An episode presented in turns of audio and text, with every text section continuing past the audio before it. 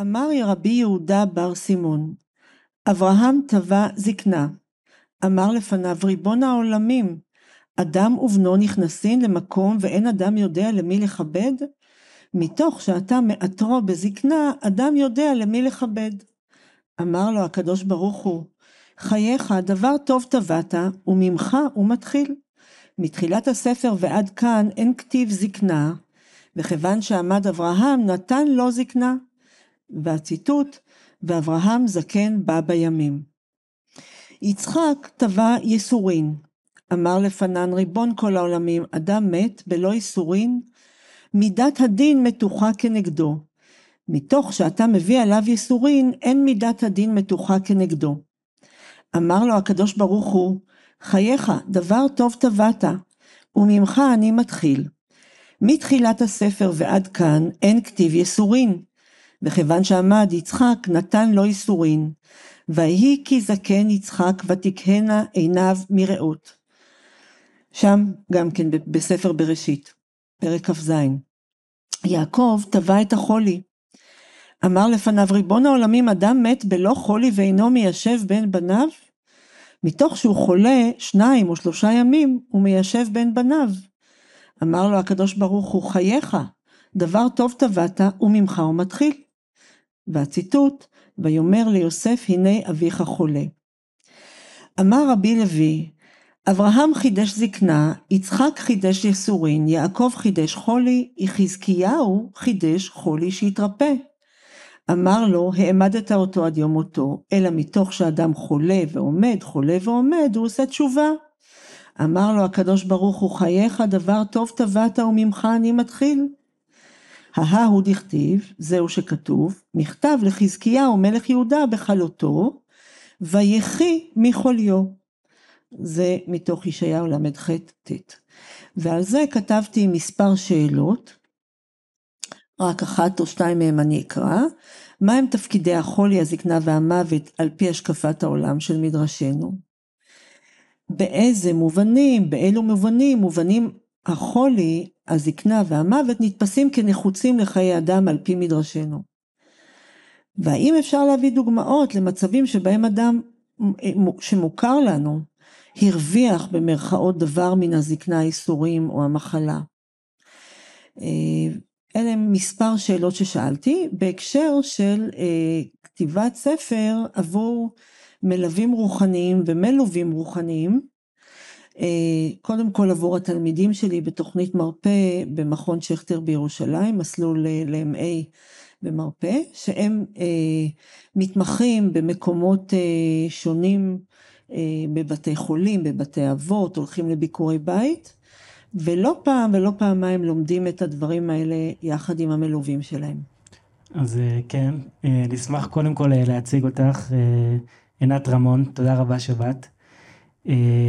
את אה, דוקטור למחשבת ישראל אה, במכון שכטר ומובילים בארץ של התחום של הליווי הרוחני, מלווה רוחנית, אה, מהכותבות של הקוד האתי של הליווי הרוחני והמפגש בינינו התחיל דרך גורדון שאת גם אחת מהחוקרות המובילות שלו בארץ ומוציאה ספרים שקשורים אליו ועל כל זה נשמח לדבר איתך היום. בשמחה. ובאמת אני אשמח להתחיל ממה שעכשיו קראנו מהליווי הרוחני. אה, איך הגעת בכלל לתחום הזה, ומה זה ליווי רוחני גם? אז נתחיל ממה זה ליווי רוחני. ליווי רוחני זה אה, תפקיד, המלווה הרוחני נושא בתפקיד מקצועי, שבו הוא מגיע לאנשים אה, שנמצאים במצוקה מסוימת. תמיד אה, קושרים את זה לסוף חיים, אבל זה לאו דווקא סוף חיים. רוב האנשים שאנחנו מלווים הם לא ממש בסוף חיים, גם אי אפשר לדעת מהו סוף חיים, כי אנשים בזקנה נמצאים בסוף חיים הרבה שנים. אה, ובמקום שבו הם אה, משוחחים, מתקשרים, לפעמים אפילו מתקשרים עם אנשים שהם לא במצב קוגניטיבי שיכולים לדבר, אם זה חולי קומה או חולי אלצהיימר, מוצאים יחד איתם ויחד עם בני המשפחות שלהם מהו העולם הרוחני שלהם, זה נקרא הערכה רוחנית, ואז במפגש אה, נוגעים בעולם הרוחני הזה. אם זה, אם הם אנשים שיכולים לדבר, אז אנחנו משוחחים איתם. בשיחה שהיא בעיקר מונחית שאלות ומוביאה אותם לדבר על המקומות ש... שבהם תפיסת עולמה מחזקת אותם, או במקומות שבהם הם שבורים וצריכים לשפוך את הלב בפני מישהו ואנחנו מקשיבים להם. או אנחנו אה, כותבים איתם סיפור חיים, או שאנחנו עושים איתם יצירת אומנות, או שאנחנו מקשיבים למוזיקה, או שאנחנו שרים איתם, או שאומרים איתם תהילים, או שמתפללים איתם, זה מאוד תלוי מה העולם הרוחני של כל אדם. אז למה בעצם, מאיפה הגיע המקום הזה של לחפש מה העולם הרוחני של בן אדם? כי בכלל בעולם הערבי שלנו יש או להגיד תהילים אבל בשביל איזה רצפט, או בשביל לא ללכת לפסיכולוג או לקבל תרופות, אבל מאיפה נולד בכלל המקום הזה שאנחנו, אם בן אדם במצוקה צריך לחפש את הדבר הרוחני שלו ואיך זה בדיוק נהפך לשיטה? אני חושבת שבתשתית של התפקיד הזה, של המקצוע הזה, שזה התחום המקצועי, זה לא ממש מקצוע מוכר, אה, יש הנחת יסוד שכל אדם יש לו עולם רוחני. ובעצם יש פה שיבה אל תפיסת עולם אקזיסטנציאליסטית, קיומית, אנושית, הומנית, וגם יהודית, כן? זה, זה הסיפור של התנ"ך, כן? כל אדם יש לו עולם רוחני, יש לו את המסע הרוחני שלו, יש דברים שמשותפים למסע הרוחני ויש דברים שנבדלים במסע הרוחני, הנה אברהם, יצחק ויעקב, יש הרבה דברים משותפים, הם ממשיכים. הבנים ממשיכים את האבות, אבל גם כל אחד יש לו את המסע הייחודי לו ואת האתגרים הייחודיים לו, ומתוך זה הוא מוצא גם את הדרך אה, אה, בחיפוש אלוהים, אבל אתה יודע, היום בחברה החילונית לא כולם אה, מחוברים לשאלה של חיפוש אלוהים, או לא מנסחים את זה בשפה הזאת, כן? אז יש פה איזשהו חיפוש של איזושהי נקודה פנימית, של איזושהי משמעות חיים, של איזשהו ייעוד של החיים של כל אדם, ומשם באה הנחת היסוד, זאת אומרת שגם כשאנחנו עם חולי אלצהיימר, גם כשאנחנו מלווים אה, אנשים בקומה, יש לאנשים האלה עולם רוחני. אנחנו נמצא אותו ביחד עם מה שאנחנו למדנו על האדם הזה, עם איך שהאדם מגיב, ומתוך המקום הזה אנחנו נצא לדרך. והיום גם המחקרים מוכיחים שזה מיטיב את מצבם של האנשים האלה. באיזה צורה? כאילו... אה, יש מחקרים חד משמעיים שאלצהיימר אה, משתפר כתוצאה משירה, ממוזיקה, מכל אה, ההיבטים המוזיקליים, כן, מהאזנה למוזיקה, או מחשיפה לדברים שהיו בעלי משמעות בזמנו, עבור האדם בזמן שהוא בריא, פעם רץ, רץ סרט על רקדנית מדרום אמריקה שהשמיעו לה את אגם הברבורים והתחיל לעשות את התנועות. אז תמיד זה איכשהו מחבר את האדם לערש ילדותו, כן, שהוא שמע את הדברים האלה בילדותו ועכשיו שומע אותם בזקנתו, זה מעורר, זה משפר את היכולות הקוגניטיביות, אבל מעבר לזה זה משמח אותו ברגע הנתון. אנחנו הרבה פעמים אה, בחברה שמעריצה את השכל ואת השכליות, אה, קשה לנו מאוד להעריך את היכולות הרגשיות והאינטואיטיביות של אנשים שהם, אה, המופעים שלהם בתוך החברה הם לא מופעים מאוד מרשימים מבחינה שכלית. והליווי הרוחני באמת עוקף את כל הדברים האלה, ואנחנו רואים שזה מיטיב את מצבם של אנשים בכל מיני דרכים. אז כשאני באה לספר את זה ולהמליץ לרופאים, לאחיות, למוסדות שונים לקחת את התלמידים שלי כמתמחים קודם כל, אז אומרים לי, אז תביאי לנו מחקר סטטיסטי שמראה שזה מועיל. אז אני אומרת, תראו, מה יש מחקרים סטטיסטיים? שהמשפחות מרוצות, שהאנשים מרוצים, איך אפשר לדעת? מחקר סטטיסטי שזה מועיל. כל בן אדם יש לו את המסע האישי שלו, יש אדם שהוא על ערש דווי, אז המסע שלו זה להיפרד אה, בטוב מאנשים, להשאיר משפחה שלמה ולא מפוצלת ולא מפורדת עד כמה שאפשר, הרבה אנשים בכלל לא נמצאים במצב אה, קוגניטיבי צלול במצ... הרבה פעמים וגם בגלל תרופות ההרדמה עוד יותר, אבל יש אנשים שהם צריכים להפך להיאבק ולהילחם על, ה, על החיים ולקחת תרופות, או יש אנשים שהם במצבי ייאוש צריכים למצוא כל מיני אה, היבטים שמעודדים את ה, אותם ואת רוחם. בקיצור, כל אחד בסיפור האישי שלו, אז לך תמצא איזושהי שפה סטטיסטית שתגיד אה, כמותית זה וזה עזר, איך אנחנו נדע? אנחנו יודעים, אנחנו רואים בעיניים שלנו שה, שמשהו השתפר. ובמיוחד למשל על המדרש הזה שהקראתי, תלמידה שלי אה, התמחתה באחד מבתי החולים בארץ, ובדיוק הגיעה אליה עובדת סוציאלית ואמרה חמי על ערש דווי, בעלי ואחיו לא מדברים. ובאותו שבוע למדנו את המדרש הזה. והיא אמרה לה, תראי, הנה יש פה מדרש אה, על ערש דווי, האחים מתפייסים. אז היא אמרה, עכשיו אני מתקשרת לבעלי, באמת התקשרה אליו, והשלימו על ערש דווי של האבא. אז אתה ממש רואה באיזושהי צורה של אה, אוסמוזה, של איזושהי אה, אה, זליגה מתוך המקורות לחיים של אנשים, מתוך החיים של אנשים אל תוך המקורות. אנחנו ממש רואים את הדברים האלה בצורה מופלאה. אבל זה משהו שאנחנו מודדים אותו בעיניים. לגמרי, אבל מעניין אותי מחוויה שלך, בטח יצא לך ללוות אה, חולה סופני כן. בעצמך, ואיך זה השפיע עליו, בן אדם שעכשיו, לא יודע, עוד אה, כמה חודשים הולך למות והוא יודע את זה, איך זה, מה זה נותן לו לחיים, ושעכשיו הוא גם ככה יודע, נכון שהוא מתי שהוא הולך, האמת היא כולנו הולכים למות, אבל אה, איך זה כאילו פוגש אותו בנקודה הזאתי, מה הליווי הרוחני נותן לו ש...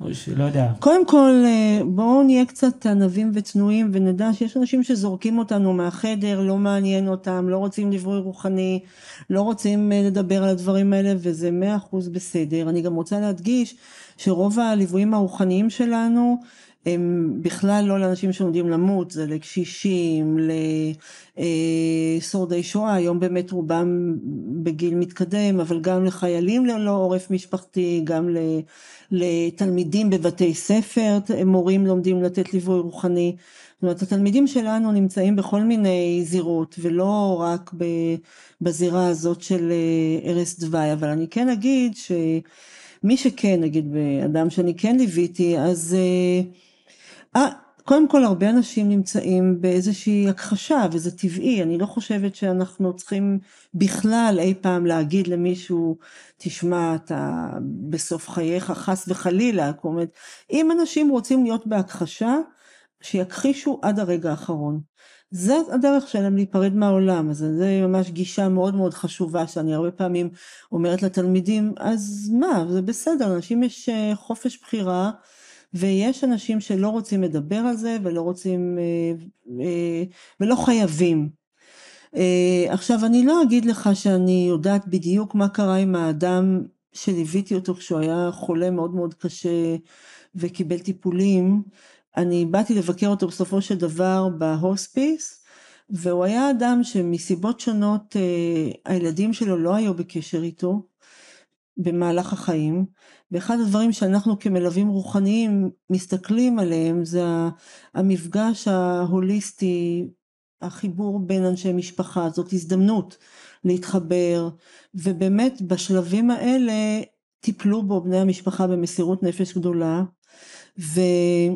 כשאני באתי להיפרד זה לא היה חובתי כיוון שאני עשיתי את הליווי הזה דרך קופת חולים ואז ברגע שבן אדם עובר למוסד אחר אז הוא עבר למוסד אחר אז זה כבר לא אחריות שלנו וכו' וכו' כן תמיד מעניין איך הבירוקרטיה אבל המלווה הרוחני הוא לא הוא באמת איזה דמות שלא אה, ממש מחויבת לממסד. יש לנו קוד אתיקה ואנחנו בדברים מסוימים מאוד קשוחים.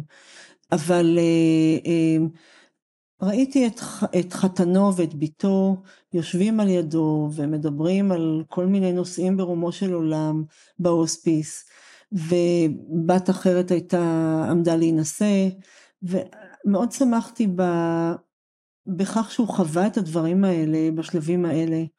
ואז הנה זה סיפור של באמת סוף חיים אבל יש אנשים שממש אנחנו רואים לא רוצים לדבר לא רוצים להשאיר שום מורשת ובסדר גמור, אנחנו לא מטיפים, אנחנו לא מטיפים לשום השקפת עולם, אנחנו צועדים עם האנשים במסע שלהם. מה, מה הביא אותך לעסוק בזה? מה מושך אותך? כי זה אחד, משהו שאת מקדישה לו הרבה.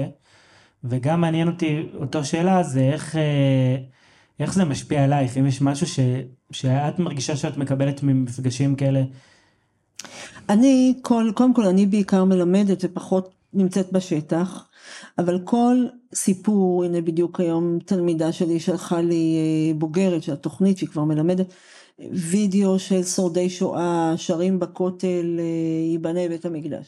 מאוד משמח אותי.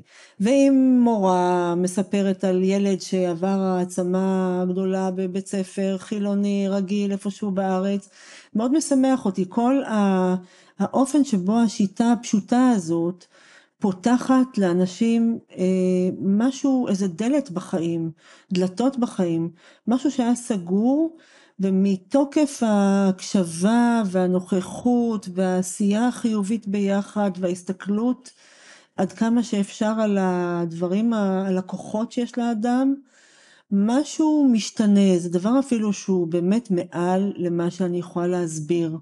ויש לי המון המון שמחה בכל מה שהתלמידים שלי עושים, והבוגרים, ואפילו היום אני כבר לא יודעת הרבה דברים, כי כבר אנחנו תוכנית שקיימת, אה, אנחנו עכשיו, יש לנו שנת בר מצווה עוד מעט, זה פשוט לא יאומן, שפתחנו את התחום הזה כקואליציה, היום כל אחד נמצא במקומו, במקומות שונים, אבל לפני 17 שנה, ועם עזרה פילנטרופית של הפדרציה היהודית של ניו יורק, שרצתה משהו מאוד פלורליסטי, שיהיה מתאים גם לחרדים, גם לרפורמים, גם לחילונים, גם לכל אחד שאין לו שום הגדרה. אה, ופשוט תהיה איזשהו קול שמביא לאנשים אה, אה, נינוחות ומה שטוב להם, כן? בגבולות כמובן האתיקה וה... ולכן כתבנו קוד אתיקה מאוד קשוח וזה הלך לכל כך הרבה כיוונים שונים עם הארגונים השונים. מכון שכטר לקח את זה למקום של שילוב של לימודי יהדות עם אה, עם, עם ההתמחות בליווי רוחני בשטח. וזה פשוט מדהים שאנחנו כמכון שכטר מגיעים לבתי חולים, למחלקות, אה, לבתי ספר לילדים מאושפזים, לעמותות שמלוות חולי סרטן ובני משפחותיהם, אגב הם לא קוראים לעצמם חולים, הם קוראים לעצמם מתמודדים, או אנשים שפגשו סרטן, זאת אומרת מאוד חשובה השפה החיובית או למקומות של חיילים אה, בודדים שמכל מיני סיבות, אם זה חיילים יתומים או חיילים שלא בקשר טוב עם המשפחה, כל לומד ולומדת שלנו גם יש לו את החזון שלו. אז כן, יש לנו מחויבות אה, לתת יד בליווי של האוכלוסייה המבוגרת בארץ, כי אנחנו רואים אה, הרבה פעמים שזאת לא אוכלוסייה שמקבלת את המקום הראוי לה ואת המשאבים הראויים לה. היום אני כבר לא יודעת מי כן מקבל, אני רואה את הקושי הזה גם במערכות החינוכיות, מורות שלנו מספרות דברים מאוד קשים אחרי הקורונה, על שברון לב של ילדים שבגלל הסגרים איבדו יכולות אה, אה, אה, חברתיות. ואגב תוך כדי הקורונה באמת המורים שלנו שעבדו היו לוקחים את הילדים בחוץ לחצר ועושים איתם כל מיני פעילויות בשביל שהמצב שה, המדכא הזה של להיות בתוך הסגרים וכלואים בבית לא, לא ישבור את רוחם ובכל המקומות אני אפילו לא יכולה לחשוב על מקרה אחד שאני לא אגיד שלא היה שיפור במצבו של האדם כתוצאה מהשיטה הפשוטה הזאת שאתה שואל אותי מה בעצם עשיתם ואני אגיד מה עשינו, דיברנו, הקשבנו, שרנו התפללנו, איפה, אה, כל, כל אחד המקום שהוא עשה, יש מקומות שלומדת אה, שלי שהיא אה, אחות הוספיס בדרום וחקלאית, משפחה של חקלאים, הביאה שתילים לבדואים לטעת, כן, וזה שימח אותם, או כל מקום משהו, משהו משמח יוצא מתוך המפגש הזה, והלוואי, הלוואי וזה היה מתרחב והולך. אז אני אתמקד בעכשיו, באמת אה, דיברנו על זה שאת מהכותבות של ה... את כותבת מה הכותבות של הקוד האתי שבישראל של התחום הזה, שאותי זה נושא שמאוד מאוד מעסיק, כי מצד אחד אני מרגיש שהמערכת הרפואית הרגילה, הפסיכולוגיה, הפסיכיאטריה, היא לא מספיקה והיא לא יכולה לתת מענה, ומצד שני אני פגשתי את הצדדים האפלים של הצד השני, ברור. של הצד האלטרנטיבי, יפה. כאילו גם את הצדדים הטובים, אני למדתי הרבה שנים ימימה, או נדבר- עוד רגע על גורדון, שהוא מבחינתי כן. מלווה רוחני, או אתי אליסטום, או כאלה, אבל מצד שני, אלה שחיים, מה ואת-? ואתה הולך לסדנאות, ופגשתי, ומתקשרים ודברים, ופגשתי את זה כל כך הרבה, ש... שאין גבולות, ובהתחלה אהבתי את זה, ואז, מה זה אהבתי? אנחנו גם בכביש אחד, אנחנו הפעלנו כל מיני דברים, ונתנו במה לכל מיני דברים ש... אני, כאילו, אני, היום, היום אני מצטער על זה, כן, כן, היום כן. אני מבין, לא קרה כלום אולי, אבל אני מבין, אני, היינו עד לפני הקורונה, קורונה היה לנו ממש מפעל של סדנאות, כל יום היה לנו בסטודיו סדנה אחרת, ורוב הדברים שעשיתי שם, היום אני לא הייתי עושה אותם, כי הקורונה היה לי הרבה זמן לחשוב, והבנתי שהרבה דברים הם, הם אלא אם כן אם אני הייתי המנחה, כי אני יודע שאני לוקח אחריות, אבל אני לא מנחה ואני לא זה, ו... אז הם פשוט לא יקרו. כי הבנתי את המשמעות פתאום, ומשהו שכן נראה לי שהליווי הרוחני נותן ממש צוהר לכיוון חדש, שהוא... יש משהו בעולם, גם הפסיכולוגי וגם בעולם האלטרנטיבי, את כל העולמות הטיפוליים בכלל, שהם כאילו משתלטים על הבן אדם. אז מילא בפסיכולוגיה יש איזושהי אתיקה ואמור להיות הפרדה, וגם, לא תמיד קורה, אבל כביכול, אבל כאילו יש משהו שאני בסוף רואה שמה שלי עוזר לי בחיים שלי, ואני כן, כמו כולם צריך לטפל בעצמי, זה שאני מטפל בעצמי, ודרך ההשראה שאני מקבל מא' ד' גורדון, מאתי אליסון, מרבי נחמן, מ... ואני מרגיש שהליווי רוחני מאוד לוקח למקום הזה, שאתה, שזה גם עוד רגע נדבר על גורדון, שזה מאוד קשור על, לגישה של גורדון בכללי, אבל אז מעניין אותי כל העניין האתי לא, ו- זה מאוד ומה חשוב. קורה. כן. תשמע, אני מאמינה גדולה בחוקים וכללים. אה, כמו שאני באמת אה, מאמינה גדולה בלא להשתבד ליותר מדי בירוקרטיה וממסדיות, שהיא מאוד מסוכנת היום, והיום עם הדיגיטציה העולם הופך ונהיה יותר שתלטני, יותר ממסדי, יותר שולט. מצד שני, רוח האדם בשביל לפרוח חייבת את המרחבים שהיא לא, שהם לא ממושטרים. אבל אני מאוד מאוד מאמינה בזה שזה אפשרי רק כשיש כללים ברורים. ולכן באמת אני כתבתי את קוד האתיקה יחד עם כל הקבוצה שיסדה את התחום הזה. זאת אומרת, כתבתי את זה למענם, ועם, עם, ממש אה, העברנו טיוטות, כל אחד הוסיף משהו, העיר משהו.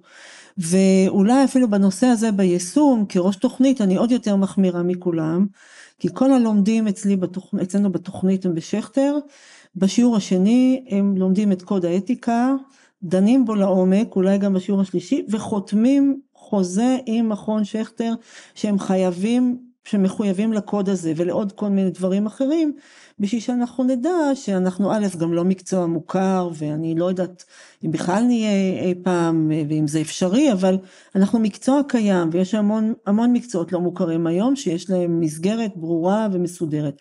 ואחד הדברים בקוד האתיקה של מכון שכטר אנחנו מחתימים, זה שיש מקרים מסוימים, שממש בהתחלת התחום הזה בארץ התייעצתי עם אנשים מארצות הברית, ואמרתי מתי אתם מפנים לאנשי בריאות הנפש, וכתבה לי מישהי שהיא מאוד מאוד בכירה שמה, כאן, כאן, כאן וכאן, זה כשאני עבדתי בבית חולים וניהלתי מערך כזה בית חולים, אלה הדברים שהעברתי לאנשים. תרגמנו את זה לעברית, והיום אני ממש מנחה את התלמידים שלי שבמקומות האלה, למשל אובדנות, תכף אני ארחיב על זה את הדיבור, שאלות של מורכבות מינית, או כל מיני נושאים שהם באמת קשורים בפגיעה בתשתית האנושית של האדם, אנשים שעברו התעללות בילדות, אנשים שעברו דברים מאוד קשים, כאן אנחנו, אם אנחנו מזהים שיש פה בעיה, אנחנו מבקשים, קודם כל ממליצים בכלל לעבור או לעבוד גם עם איש בריאות הנפש. ואם המלווה לא רוצה, אז אנחנו חייבים להגיד שאנחנו חייבים להתייעץ עם איש בריאות הנפש, ואני יכולה להגיד שני מקרים. מקרה אחד שליווינו, לומדת שלנו ליוותה אדם שבעצם הגענו דרך קופת חולים לליווי של אדם שהוא היה שורד שואה ו, וסופני ובכלל באנו בשבילו, התלמידה באה בשבילו ואז הסתבר שהוא כבר מגיע למצב לא קוגניטיבי ובנו שמטפל בו הוא האדם שצריך את הליווי. והיה שם סיפור של אובדנות והעובדת הסוציאלית אמרה תזהו, תאבחנו מה הסיפור, אמרנו בשום פנים ואופן לא, הנה קוד האתיקה, אנחנו לא מתעסקים בדברים האלה. אז היא אמרה, אבל אני לא יכולה לבוא לשם, כי האדם לא רוצה לדבר. בקיצור, הלומדת שלנו, הבוגרת שלנו היום, שכנעה את האדם ללכת לטיפול, והוא באמת אה, אחרי כמה וכמה פגישות של ליווי רוחני, הלך לטיפול. אז זה מקרה אחד. היה מקרה אחר גם כן של אובדנות שהתרחשה במשפחה והמשפחה המשתקמת לא רצתה לעבוד עם אנשי בריאות הנפש. וזה פה באמת צריך לבוא ולומר שעולם בריאות הנפש אה, יש לו את החשבון נפש שהוא צריך לעשות עם עצמו אה, מבחינת חוסר האמון שיש להרבה אנשים בו בכל מיני סיבות. מכל מיני סיבות, אבל בכל מקרה בנושאים האלה הם המיומנים לעבוד ולטפל ואנחנו חלילה לא נכנסים לשם, בכל אופן שם באמת לא רצו ללכת ואמרנו אבל אנחנו צריכים להתייעץ עם מישהו. אז מצאו ביבליותרפיסטית שעובדת עם אחת הילדות והמשפחה הזאת השתקמה בצורה יפהפייה. אני חושבת להגיד בשני המקרים האלה אנשים שהם היו חשופים לאובדנות או מתוקף זה שאדם במשפחה אה, התאבד, או מתוקף זה, האמת שבשני המקרים האלה זה היה הסיפור. השתקמו מאוד יפה, אחד בזכות זה שהוא הלך לטיפול, והשנייה בזכות זה שהיא וילדיה, בזכות זה שהמלווה הרוחנית התייעצה עם אשת טיפול, אבל אנחנו אף פעם לא בזירה הזאת לבד, וזה נורא מעצבן את התלמידים שלי שאני מדברת על זה ונותנת שעה שלמה לדיון על הדברים האלה, מתי מפנים ומתי זה, אבל אני, בזכות זה אני רואה שכל המערכות שאנחנו עבדנו בהן, שאומרים עובדים סוציאליים לא רוצים שמלווים רוחניים ייכנסו, פסיכולוגים לא רוצים, רואים איזה תחרות, לא נתקלתי בפעם אחת של חסימה מצד הגורמים האלה, תמיד הבעיה היא כספית, מנהלית, בירוקרטית, האנשים האלה תמיד הזמינו אותנו לבוא לשם כי אנחנו ישר הנחנו על השולחן, זה קוד האתיקה שאנחנו חותמים עליו, אלה הם הגבויות שלנו, בזה ובזה ובזה אנחנו עוסקים, ואנחנו צריכים תמיד מישהו להתייעץ איתו, ואנחנו מדווחים באופן קבוע לאנשים מה אנחנו עושים, והסיפור הזה הוא מאוד מסודר. ואני, כשהלומדים שלנו מסיימים את התוכנית, אני בוטחת בכולם, מאה אחוז, שהם כל כך הפנימו, בגלל שבדברים האלה אנחנו כל כך קשוחים וחד משמעיים, שבאמת אה, אני לא, אני לא אפילו מעלה על דעתי מקרה אחד שהנושא הזה לא טופל בצורה מסודרת ואפילו לא הגיעו לכל המצבים האלה שאתה מתאר של אה, חוסר אחריות בנגיעה בנפש האדם. כן, אני באמת מרגיש ש, שיש פה איזו מורכבות. ולפחות הציבור הרחב, אם מישהו לא איש מקצוע, אז הרבה פעמים נוטה לצד מסוים, כאילו, כי מצד אחד, אני, אני פגשתי את הדברים האלה לצערי יותר מדי מקרוב, טיפה על עצמי, אבל בעיקר עם uh, כמה אנשים בסביבה שלי שהיו מצבים פסיכוטיים. מקרה אחד שזה נגמר הכי לא טוב שאפשר uh, לדמיין, וכאילו בהתאבדות, ומקרה שני גם שהוא uh, עדיין חי, אבל משהו לא טוב, כאילו, גם טיפול לא מקצועי. אה, ומצד שני אני גם פוגש את המצב ההפוך של אנשים שמתמכרים לעולם הפסיכיאטרי, לעולם הפסיכולוגי, ו... ואני חושב שגם, לא יודע, גורדון או אתי אליסום, שמבחינתי מלווים רוחניים, הם פגשו גם מצבים מאוד קשים, אבל הם כן הצליחו לתת משהו, ואני... בגלל אני... שהם לא התיימרו להיות מה שהם לא. בדיוק, ו... אם אתה מלווה רוחני, אתה תמיד צריך להפנים שאתה ברמה של המנקה בחדר. כן. אוקיי? לא יותר מזה, יש לנו כלים, למדנו, ועוד אצלנו זה עם תואר וכן הלאה, אבל תכלס, אנחנו ברמה של המנקה בחדר, אגב, חשבנו שאנחנו נדבר על, על זלדה, יש לה שיר שהיא ממש מתארת את המנקה בבית החולים, שאומרת אני אתפלל בשבילך. ואני תמיד, השיר הזה הוא נגד עיניי, במובן הזה של מי שמסתכל על האדם בגובה העיניים זה מי שעוזר. עכשיו ברור שהמטפלים, בריאות הנפש באמת עוסקים במצבים הקשים ביותר, אבל כן. אנחנו מבחינתנו האפקטיביות שלנו, היעילות שלנו באה ממש אם אנחנו מזכירים לעצמנו לא להתנשא. זה... אני, אני מרגיש גם שהנקודה היא באמת לתת לבן אדם להיות הוא עצמו, כמו שאמרת, הערכה רוחנית. כלומר, שהבן אדם יגלה בתוכו, כי כל דבר שאחרת תדחוף לו, זה יהיה סוג של התמכרות. לא משנה אם זה תרופה או גורו או משהו כזה, זה, זה הצדדים של אותו דבר בעצם. תראה, יש מצבים... ברור שיש מצבים למדנו, קשים, אבל לא, כאילו... לא, אני גם באמת שומעת, מכיוון שהתלמידים שלי במערכת הרפואית, יש באמת מצבים שצריכים תרופה, לא, ברור, ברור. שצריכים, אני- אבל אני כאילו שם לגמרי. החשיבה שהתרופות יצילו את הכל. אנחנו רק נת- ניתן לבן הבן אדם הוא כמו מכונה, אנחנו רק נסדר את הבורג הזה. או הציטוטים מצד שני, גם, זה כן, לא, כאילו, זה גם, באמת אני, נכון. זה נורא נכון. מרשים שיש גישה כזאת ושיש אנשים נכון. שלומדים את זה. מסתבר עכשיו, דיברתי עם נכון. אמא שלי שאני הולך לדבר איתך, אז מסתבר שהיא גם עכשיו לומדת, עושה את ה-800 כן. שעות של להיות אה, מולווה איזה רוחנית, כן, והיא סיפרה לי כבר כמה דברים חזקים, אז זה מאוד חזק שזה תחום בוודאי. שמתפתח. לא, גם העניין, אני גם והגישה חושבת... הזאת שהיא בעיניי היא באמת רפואה, ו... תראה, אני רוצה להגיד שאנחנו גם, אחד הדברים שעשינו בקוד האתיקה, שהוא מאוד מעניין וייחודי בעולם, בכלל, לא, זה לא נמצא בכל העולם, תמיד אנשים נורא מופתעים לשמוע שבמדינות הבודהיסטיות אין ליווי רוחני. כאילו נחשב שהבודהיזם הוא מביא את הבשורה הגדולה למערב, אגב גורדון מאוד מתפלמס עם הבודהיזם, אבל בוודאי יש כלים שאנחנו מכירים אותם יותר מהבודהיזם מאשר מתוך היהדות וכן הלאה, אבל אה, דווקא במדינות הבודהיזם, הבודהיסטיות, בבורמה, ביפן, ב, ב, במקומות האלה, אין, אה, תאילנד, אין ליווי רוחני. וה, אה, ו, והליווי הרוחני צמח כתחום מקצועי דווקא במדינות מערב אירופה ובארצות הברית. בעיקר מה שהשפיע עלינו מבחינת הכללים המקצועיים זה ארצות הברית. אז אה, צריך תמיד אה, לזכור שאנחנו, אני עכשיו איבדתי את חוט המחשבה, אני רוצה להיזכר אה, מה שאלת אותי קודם על ה... אני גם איבדתי אותו, אבל רציתי באמת לה- להגיע לגורדון, ודרך זה... תכף נגיע לגורדון, אנחנו רצינו לדבר על ה... דיברנו על האתיקה ועל על, על זה שאין את זה בבודהיזם. כן, לא, אבל הנקודה היא שבכללים, אה, כן, אז הנה, אני נזכרת מה אני רציתי להגיד, אה, שה... אה, לא מציגים את עצמנו, אסור לנו להציג את עצמנו בתארים חוץ מאשר מלווה רוחני בארץ. זה הכנסנו לקוד האתיקה. זאת אומרת, אם אתה רב, אתה לא מציג את עצמך כרב. הייתה פה סערה גדולה, כי זה התחיל מהעולם של הרבנות, של הכמורה, של הכהונה הדתית במערב, פתאום מגיעים לארץ ישראל, אסור להציג את עצמך כרב. למה? אני למדתי כל השנים. למה? כי גילינו פה בארץ, ופה אני באמת צריכה לתת קרדיט לתוכנית בשערי צדק, ועוד לפני זה ל- לרב, באמת לרב אה, פסח קראוס, אה, שהוא היה רב קונסרבטיבי, והתחיל לעבוד כמלווה רוחני בהתנדבות, והוא זה שזיהה את זה, שכשאתה על יד, על, מיט, על יד מיטת החולה בארץ, אתה לא מזהה את עצמך כרב, כמלווה רוחני. למה? כי זה מעורר אנטגוניזם.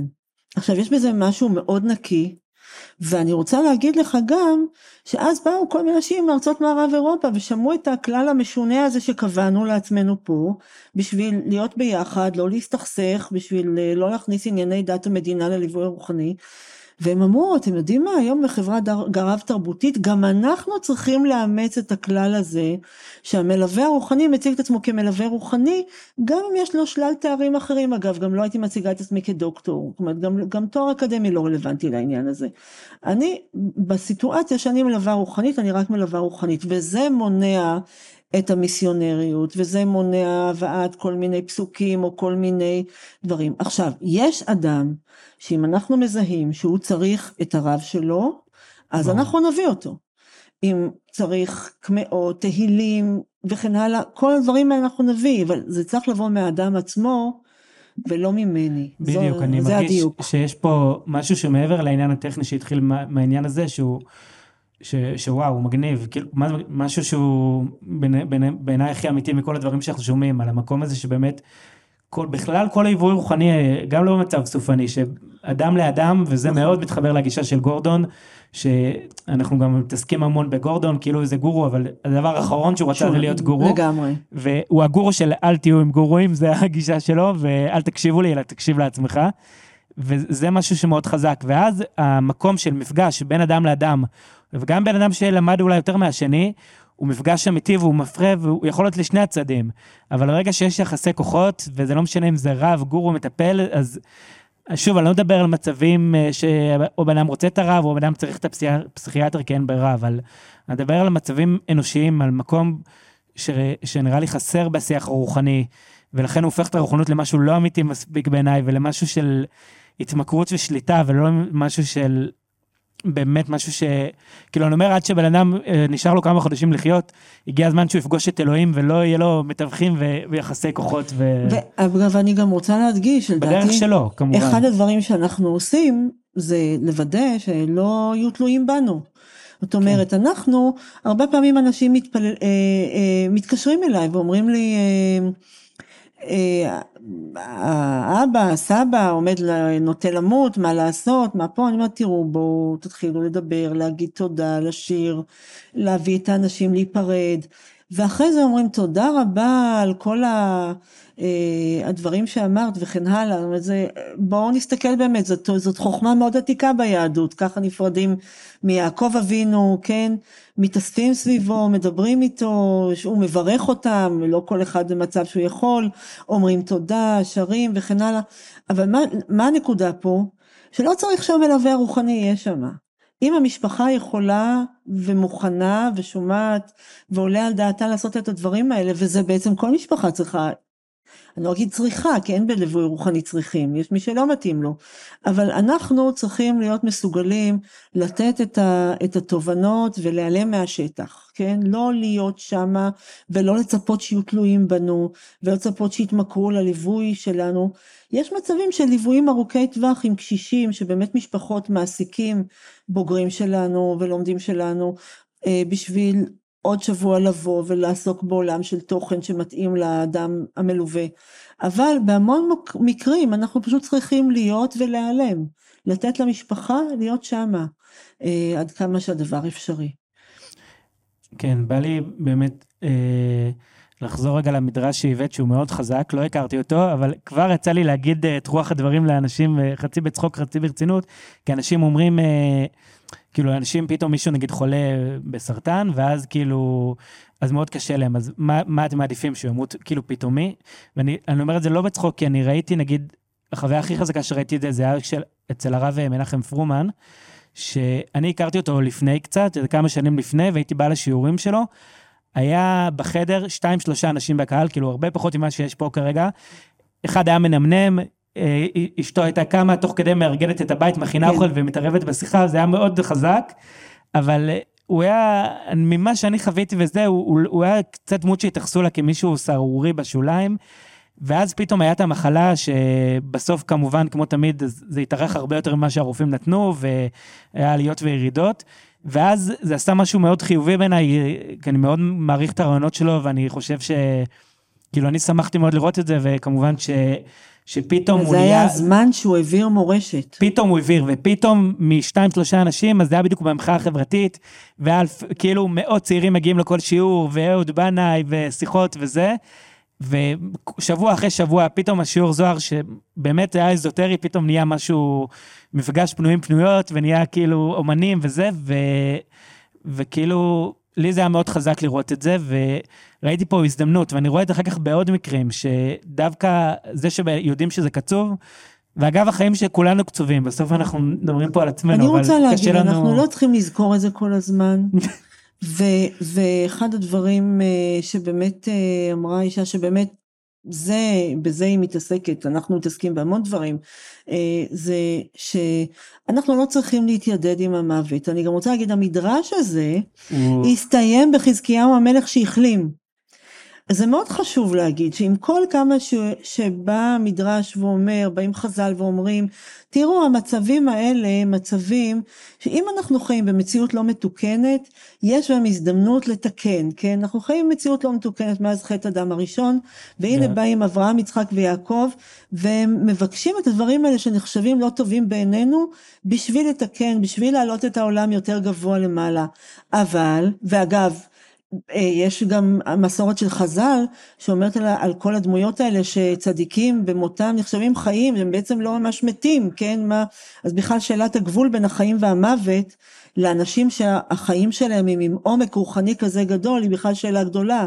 אבל ו, וזה אפילו בלי לדון בשאלות של נצחיות הנשמה וכן הלאה אלא מעצם העוצמה הרוחנית שהם, שהם חווים ו, ו, ומשרים בחיים שלהם. אה, מבחינת המורשת, אבל בסופו של דבר המדרש תמיד מסתיים בדבר טוב. כי מנקודת מבט יהודית, יש תמיד סוף טוב, תמיד צריך לזכור שיש סוף טוב. כן. כן, סבא שלי, עליו השלום, היה אומר, אני לא הולך לסרט שאין לו סוף טוב. זאת אומרת, יש פה איזשהו עניין, לא מסיימים את זה עם זה שיעקב אה, ביקש אה, את, אה, את המחלה לפני מותו וכן הלאה וכן הלאה, אלא עם חזקיהו המלך, שהוא חידש את זה שהאדם חולה ומחלים. שאלה אם אפשר לחיות. כן, ו- והוא בעצם המודל של המשיח, זאת אומרת, זה המלך מבית דוד, צדיק, היה לה איזה משהו קטן שלא היה לגמרי מושלם, ולכן המשיח לא בא אז לפי המסורת, אבל זה באמת הדמות שאנחנו מייחלים לה, והנה, וכולם היו תלמידי חכמים בדורו, והכל היה...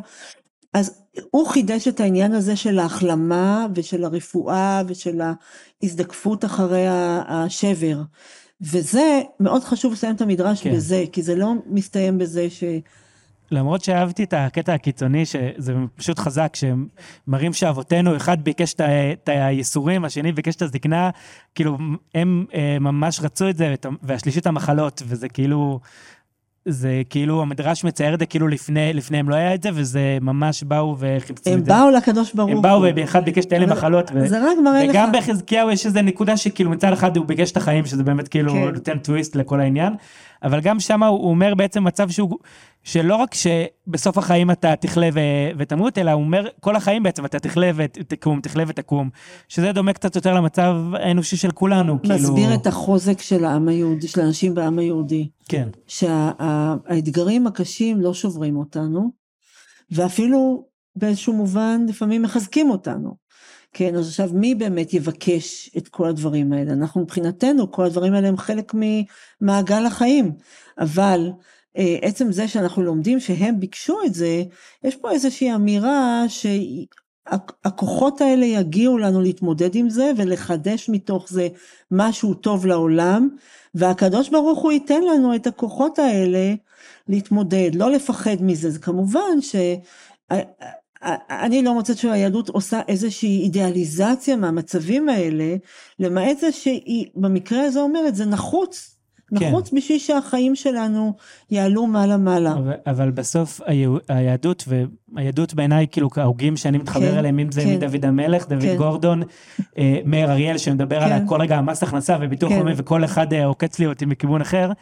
זה כן בסוף אה, אין מה לעשות אנחנו מתמודדים כל הזמן עם ייסורים אני לפחות אבל אה, כאילו גם וגם אבל כאילו אבל כאילו שוב לכן המדרש הזה מאוד חזק שהוא אומר בסוף זה הדרך התמודדות שלך שזה לא סתם ו... ונראה לי באמת זה מדויק לנושא של ליווי רוחני ש... לצד זה יש החיים- עבדו את השם בשמחה. לא, אבל חד משמעית. ולראות את הרגעים של השמחה, לא, לא להעלים אה, אותם, לא להתעלם מהם, לחפש אותם, למצוא גם בתוך המקומות האלה את השמחה הגדולה שיכולה לצמוח. תראה, בשביל יעקב אבינו זה שהבנים מתאחדים על ערש הדווי, זאת אמירה משמעותית ביותר לכל הדורות, זה, זה הישג גדול, אחרי כל הדברים הנוראים שמתחילים בקין והבל, שספר בראשית מסתיים עם ההשלמה הזאת. למרות שהיא לא מוחלטת, אבל, אבל היא בכל אופן, כולם בפנים, אף אחד לא יצא החוצה, אף אחד לא גרם להוציא מישהו החוצה. למרות כל המתחים והקשיים וה, והסבל, זה, זה הסתדר, ואני חושבת שמבחינתו זה, המחלה הזאת השתלמה, כן? אה, מבחינתו אישית, אבל גם מבחינת המורשת שהוא משאיר לעם ולאנושות. זהו, לכל אולי, הדורות, אולי זה לאנושות. הנקודה, שבזכות, דווקא בזכות שהאנשים האלה התמודדו עם דברים, נכון. דוד המלך או נכון. יעקב, בזכות זה יש להם בשורה. נכון. כאילו, ל- ל- לבשר בבשורה, ו... כן. דוד המלך החיים שלו היו הכי קשים, כן. אבל יש אפילו, יש זוהר על ויחי שהוא אומר את זה, כתוב ויחי יעקב בארץ מצרים, אז הזוהר הזה מלא מלא הקדמות, כאילו כולם שם מתחילים לבכות ואיך זה יכול להיות, ואז אתה מגיע, מה, מה, למה רבי שמעון ובוכים ולמה הם בוכים? כי הם אומרים, איך יכול להיות שבכל סיפור של יעקב לא כתוב את המילה חיים, שזה המילה הכי גבוהה והרמה הכי גבוהה של להכיר את אלוהים ולחיות את החיים, ודווקא כשיורד למצרים, שם יש חיים. ואז הזוהר ממש משתמש נראה לי במילים האלה של שבר ובשורה, שהוא גם אה, לשבר במצרים. הוא אומר דווקא לב שבור, זה, זה המקור לרבי נחמן והרבי מקוץ. שהוא אומר דווקא לב שבור, שם יש את הבשורה הכי גדולה. והגילוי הכי עמוק של אלוהים, זה דווקא כשאתה יורד למצרים, דווקא בגלות, התגלות, אז ממש שמה זה נראה לי, מהתחלת כן. הפרשה זה... אבל, אבל תמיד לזכור שהמצווה שלנו, ספר דברים, זה לשמוח. לא, חד משמעית. לשמוח, אני... ולא, ולא לא לעשות אידיאליזציה מהסבל. זאת אומרת, כן. הסבל הוא... הכרחי בעולם לא מתוקן, והעולם לא מתוקן כמעט מאז הבריאה, אבל, כן. ה, אבל, ה, אבל אנחנו תמיד זוכרים ביהדות את השמחה, זה דבר שמאוד גורדון מדגיש אותו כל הזמן בפולמוס אז, שלו. אז אני רוצה באמת להגיע לגורדון, כן. ושנראה לי קשור מאוד לכל השיחה הזאת, אבל קודם כל, איך את הגעת לגורדון אישית? איך הגעת אליו ולמה הוא תפס אותך ואיך הוא השפיע?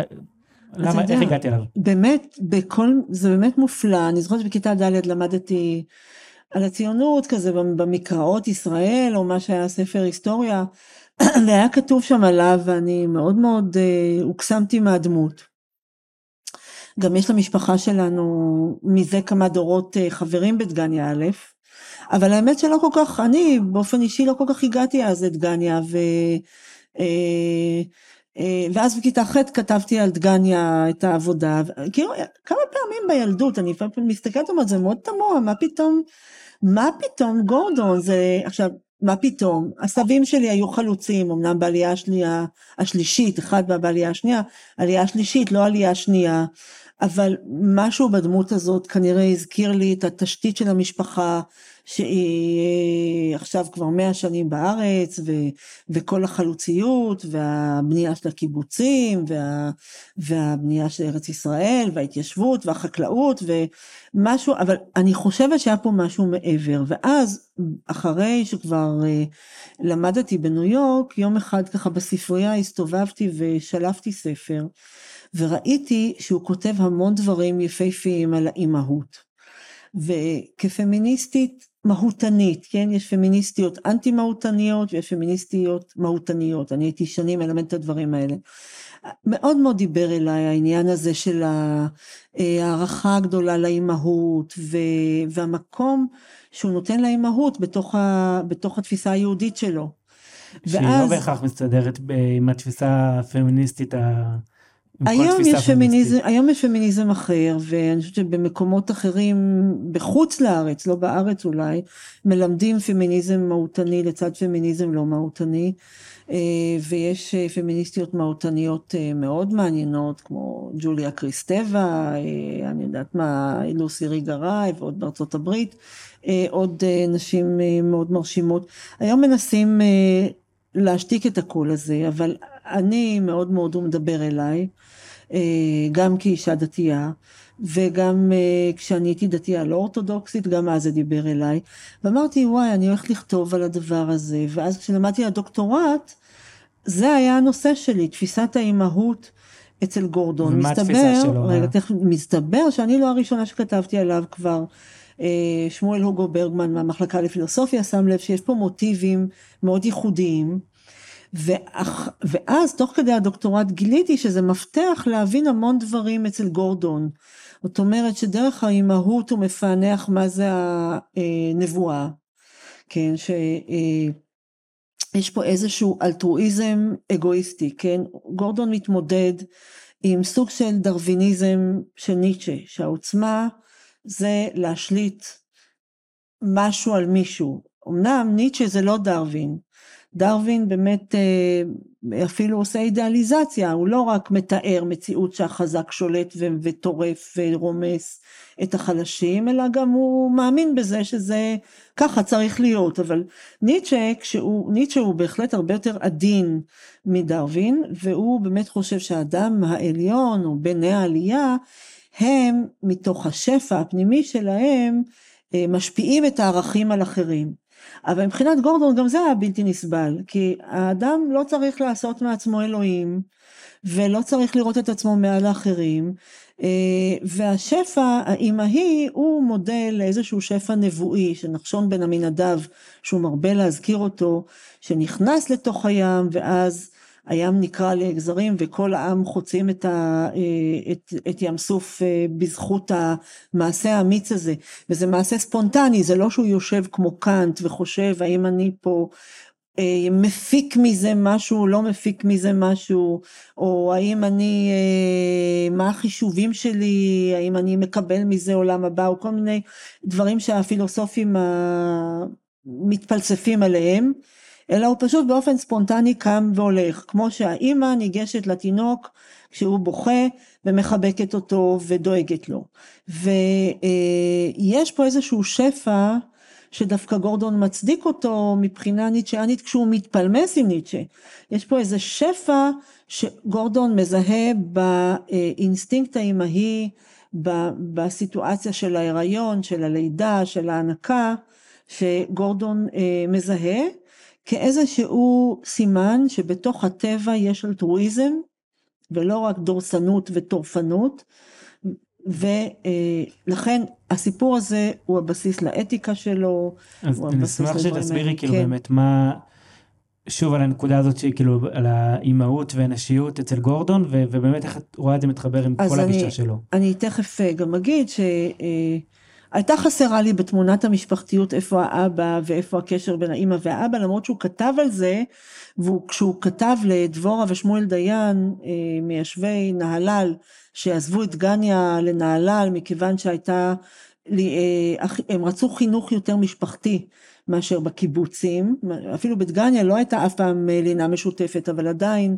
עצם זה שהילדים היו בבית ילדים זה כבר היה אה, בעייתי עבורם, אז אה, הוא כתב להם את לבירור רעיוננו מיסודו, ושם הוא דיבר שצריך לשלב את חיי העבודה של האבא עם חיי העבודה של האימא ושההורים הם בעצם המחנכים העיקריים של הילדים, וזה מאוד מאוד חשוב, גם דבר שאני מאוד מזדהה עם זה, כי אנחנו היום אוהבים להעביר את החינוך גם אוהבים וגם הרבה פעמים המערכת לא נותנת לנו ברירה, אלא להעביר את החינוך למערכות הבירוקרטיות, אה, וגורדון מאוד מאוד מדגיש את ערך ההורים וההשפעה של ההורים מתוך הדוגמה האישית שלהם וכן הלאה, אבל מעבר לזה הוא, הוא חוץ מאשר בקטע שתכף אני אקרא, כותב מעט מאוד על הזוגיות של האבא והאימא, והרבה נוכחת שם בפילוסופיה שלו האימא היולדת, המגדלת, ההרה, שמגינה על ילדיה, שמגינה אפילו גם בעולם החי, ומבחינתו זה בעצם הדוגמה לזה שהמושג הזה התפשטות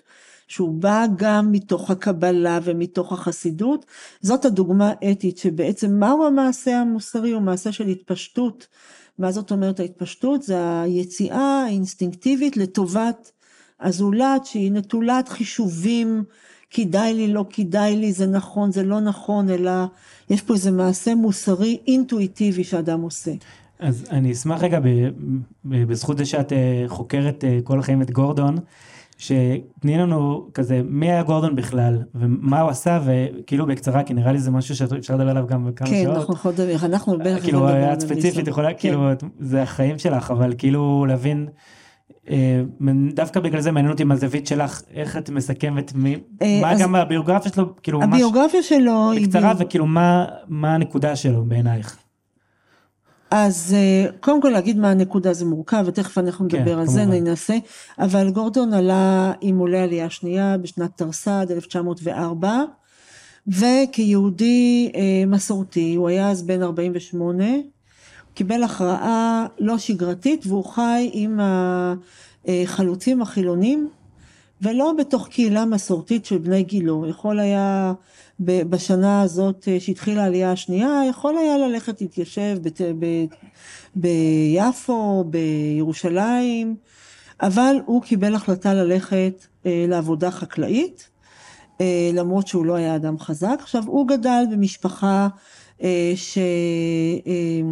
אגב, אחיך משה נחמני מאוד העיר את זה, שמצד האמא משפחה חסידית, מצד האבא משפחה ליטאית. אה, המשפחה של האבא נשלחה על ידי הגאון מווילנה לפודוליה, לאזור אה, ערש החסידות, בשביל לעצור את החסידות, hmm. וגם אה, בסופו של דבר גם התערבבו עם החסידות. יש דברים בחסידות שהוא לקח, יש דברים כן. בחסידות שהוא דחה. כל העניין של החצרות והקמעות והערצת הצדיק הוא לא אהב, אבל בוודאי השפה החסידית וכל החיבור החסידי, הפנימיות השפיעה עליו. הפנימיות מאוד מאוד מאוד מאוד מאוד מרכזית אצלו, הוא גם היה קרוב של הברון גינצבורג אה, שהיה הפילנטרופ הגדול של, עולי, של יהודי מזרח אירופה ועבד אצלו במפעל סוכר כרואה חשבון ועבד איתו בחקר אה, הקבלה או במיון של ספרי קבלה, זאת אומרת שהוא גם נחשף לזה, הוא היה אוטודידקט, הוא למד הרבה פילוסופיה באופן עצמאי, אבל הוא למד שנה אחת באיזושהי ישיבה ליטאית, אנחנו לא יודעים איפה בווילנה, כי המשפחה במקורה הייתה מווילנה, היה אדם באמת אה, אה, אה, אה, איש רנסאנס כזה שמכיר את ההגות היהודית על בוריה, לדעתי יש לו חיבור מאוד חזק גם לרמב"ם, לא רק לקבלה ולחסידות, יש משהו אה, אה, רמב"מיסטי בתפיסת האלוהות שלו, שהוא ממש אה, מסרב יותר מדי אה, לדבר על אלוהים ו- ול- ולקרוא לו בשם. משהו מאוד מאוד זה גם משהו גם שכאילו נזירי בהיבט רמב"מיסטי קשוח בעניין הזה. ומצד שני יש משהו מאוד מיסטי בכל ההבנה שלו של הקיום האנושי שיש רבדים בקיום האנושי שהוא קורא להם החוויה הזאת. אגב מילה שהוא טבע מתוך השם של האם הראשונה בהיסטוריה האנושית חווה אה, והחוויה היא אה, אותה, אותו אה, מרכיב בתודעה האנושית שאנחנו לא יכולים לקטלג או לכמת בכמויות או, או לתת לו, שזה כל זה נמצא בתחום של ההכרה זה איזשהו חיבור, באמת אני חושבת חייבים בו לקרוא לו מיסטי, שמחבר אותנו למשהו שהוא מעבר אלינו, דרך האומה שאנחנו שייכים לה. וכאן פה נכנס העניין היהודי, ש... שלשיטתו באופן טבעי כל יהודי מחובר לעם היהודי גם אם הוא מתנכר, גם אם הוא מתרחק, מתוקף החיבור לשפה העברית, מתוקף החיבור לארץ ישראל, מתוקף החיבור למורשת.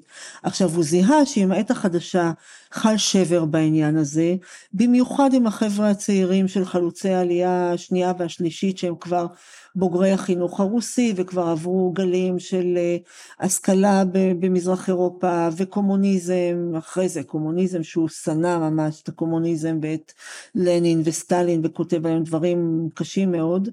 והפולמוס שלו הגדול הוא מול הקומוניזם ומול ה, מול הסוציאליזם המרקסיסטי כשמצד שני הוא באופן אישי מאוד מאוד מחויב להטבת החיים של הפועל ו, ולזה שהפועלים יתייחסו אליהם יפה ו, ואי אפשר להגיד באמת שפקידי הברון רוטשילד או שהמשרד הארץ ישראלי התייחסו כל כך יפה לפועלים ה... היהודים בארץ ישראל ובמקומות האלה גורדון ממש התייצב חזק לצידם במובן הרגשי והמוסרי אבל הוא לא סבל את כל התופעה הזאת של האינטרנציונל הסוציאליסטי, את כל המרקסיזם, לא רק את הקומוניזם, אלא גם את כל המרקסיזם, במובן הזה של לראות בחברה האנושית איזה מין מכונה של מעמדות שנלחמים בזה, להסתכל רק על אמצעי הייצור והחומר, זה מבחינתו אה, דבר אה, אנטי מוסרי, פסול, שגרם נזקים גדולים אה, לכל הדור.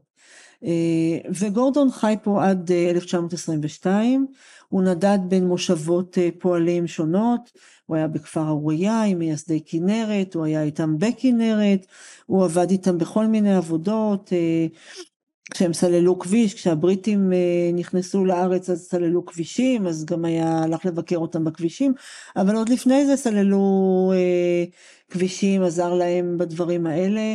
אה, בתקופת מלחמת העולם הראשונה אה, אה, בכלל היישוב בארץ התכווץ בשליש, שזה פשוט מספרים הזויים מבחינה סטטיסטית. הוא היה שם איתם, מצבים שלא היה עם מה להתכסות בלילה, שלא היה אוכל, שהיה רעב. ממש היה עם החלוצים בכל מיני מקומות, ומתוקף זה הוא גם היה אה, המלווה הרוחני שלהם או האבא שלהם שהם היו שופכים בפניו את הלב ויש אחד הזיכרונות אני כבר לא זוכרת של איזה חלוץ שאומר שגורדון הציל נפשות ממש. אה וואו. אני כן רוצה לחדד עכשיו מה הייתה הנקודה של גורדון כי הוא חי בתקופה שהוא נראה לי היה שונה מאוד מ- מרוב ההלכי רוח שחיו מסביבו מכל בחינה ואני יש קטע יפה שה... לאדם והטבע שזה היה הספר שלו הוא קרא לזה מחשבות של איש קיצוני נכון של אדם קיצוני. ו...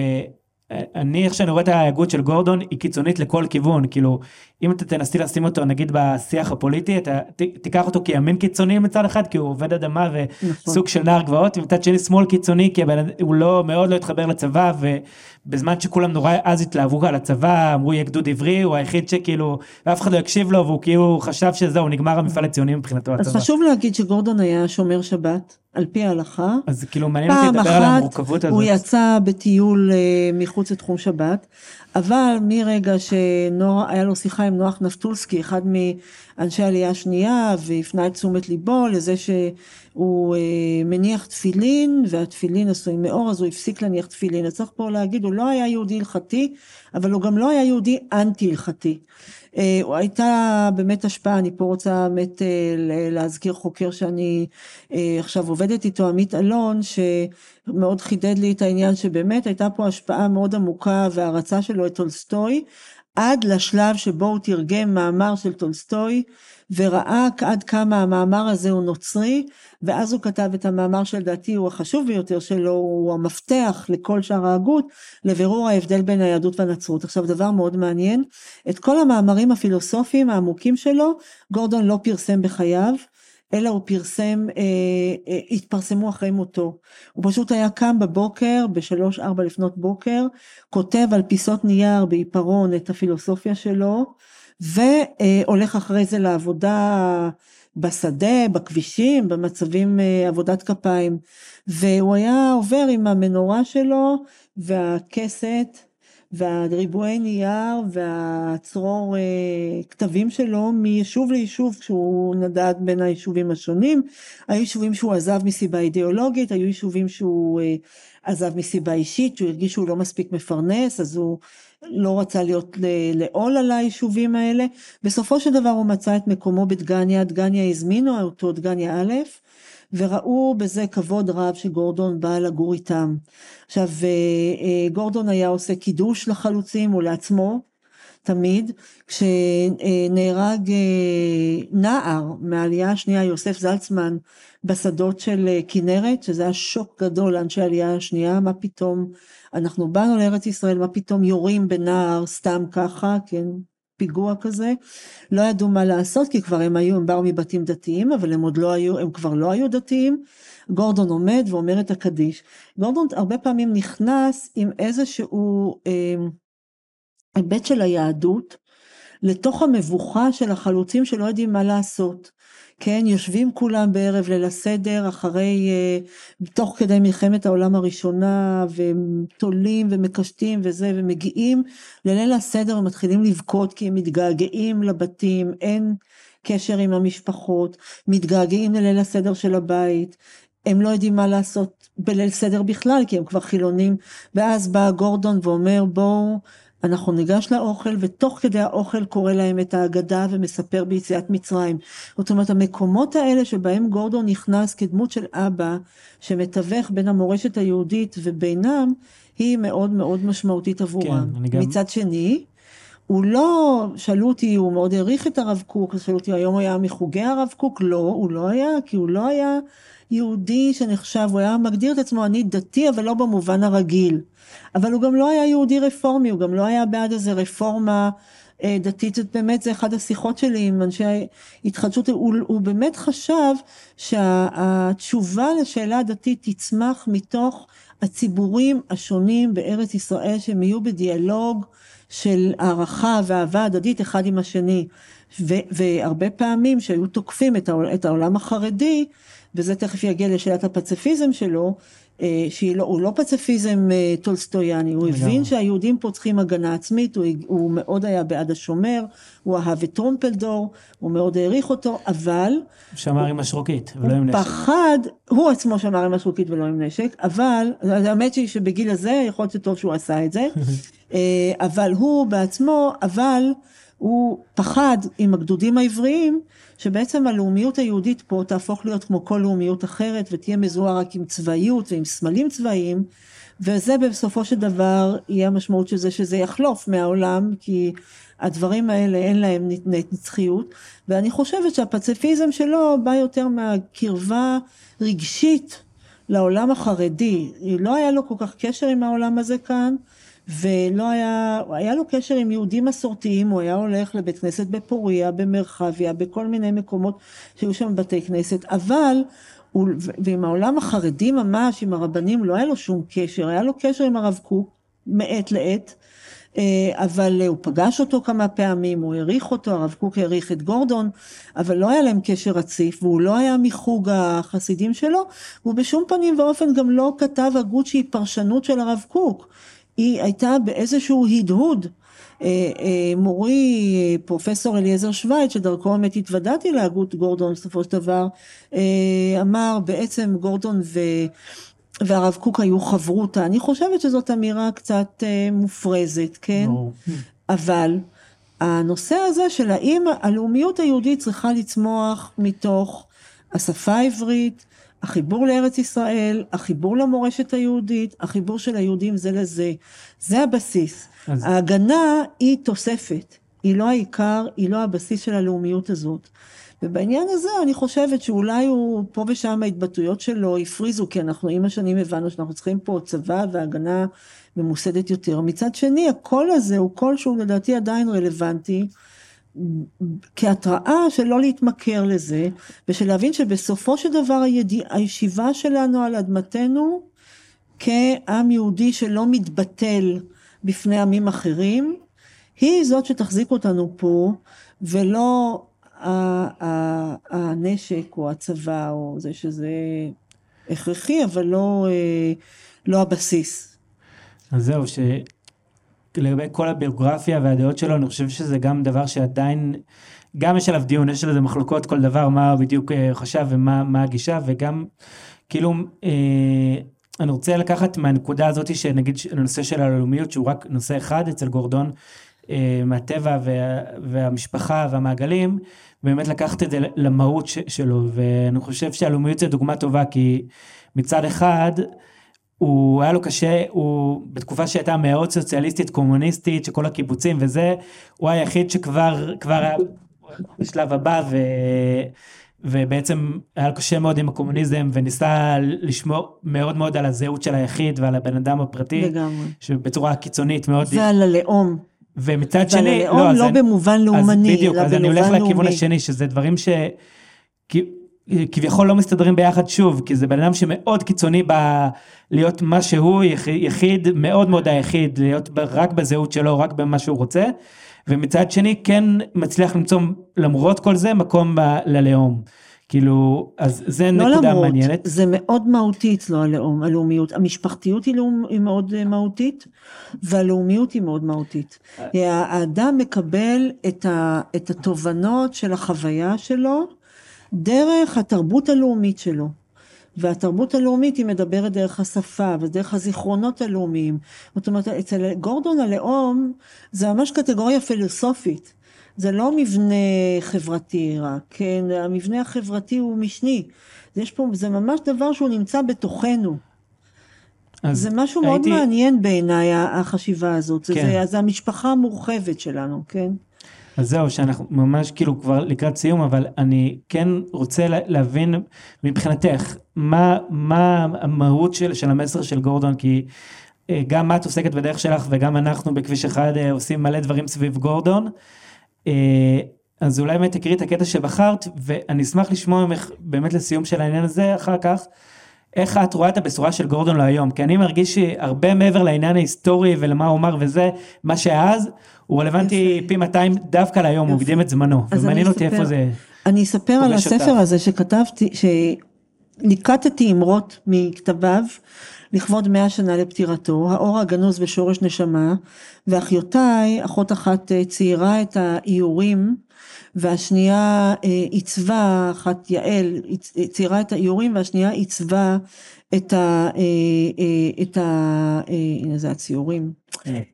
והשנייה עיצבה את הספר, זה היה מפעל של שלושתנו, לכבוד מאה שנה לפטירתו. עכשיו, למה עשיתי את הספר הזה? כמו הספר אמת וחסד, קטעים מגורדון ושאלות לדיון. כי חשבתי שבאמת, אמת וחסד זה מצוין למלווים הרוחניים ולכל מיני אנשים שעוסקים בכל מיני מצבי שבר, אבל יש אנשים שמתאים להם ללמוד קטעים מתוך ההגות ולדון בכל מיני שאלות וזה לא השבר זה חלק מרצף החיים. דווקא חשבתי אז על הרבה חבר'ה צעירים שהם אה, לומדים גורדון במכינות הקדם צבאיות ולדעתי כמו ששנינו חושבים לא נוגעים במהות של גורדון שבאמת היא חודרת לתוך הפנימיות של האדם ולתוך הלבטים היותר עמוקים שלו אה, השתקפות ההוויה האינסופית בכל אדם ו, ורוח האומה ומסירות הנפש אבל רוח האומה זה רוח האומה לא כ... כאיזה ממסד.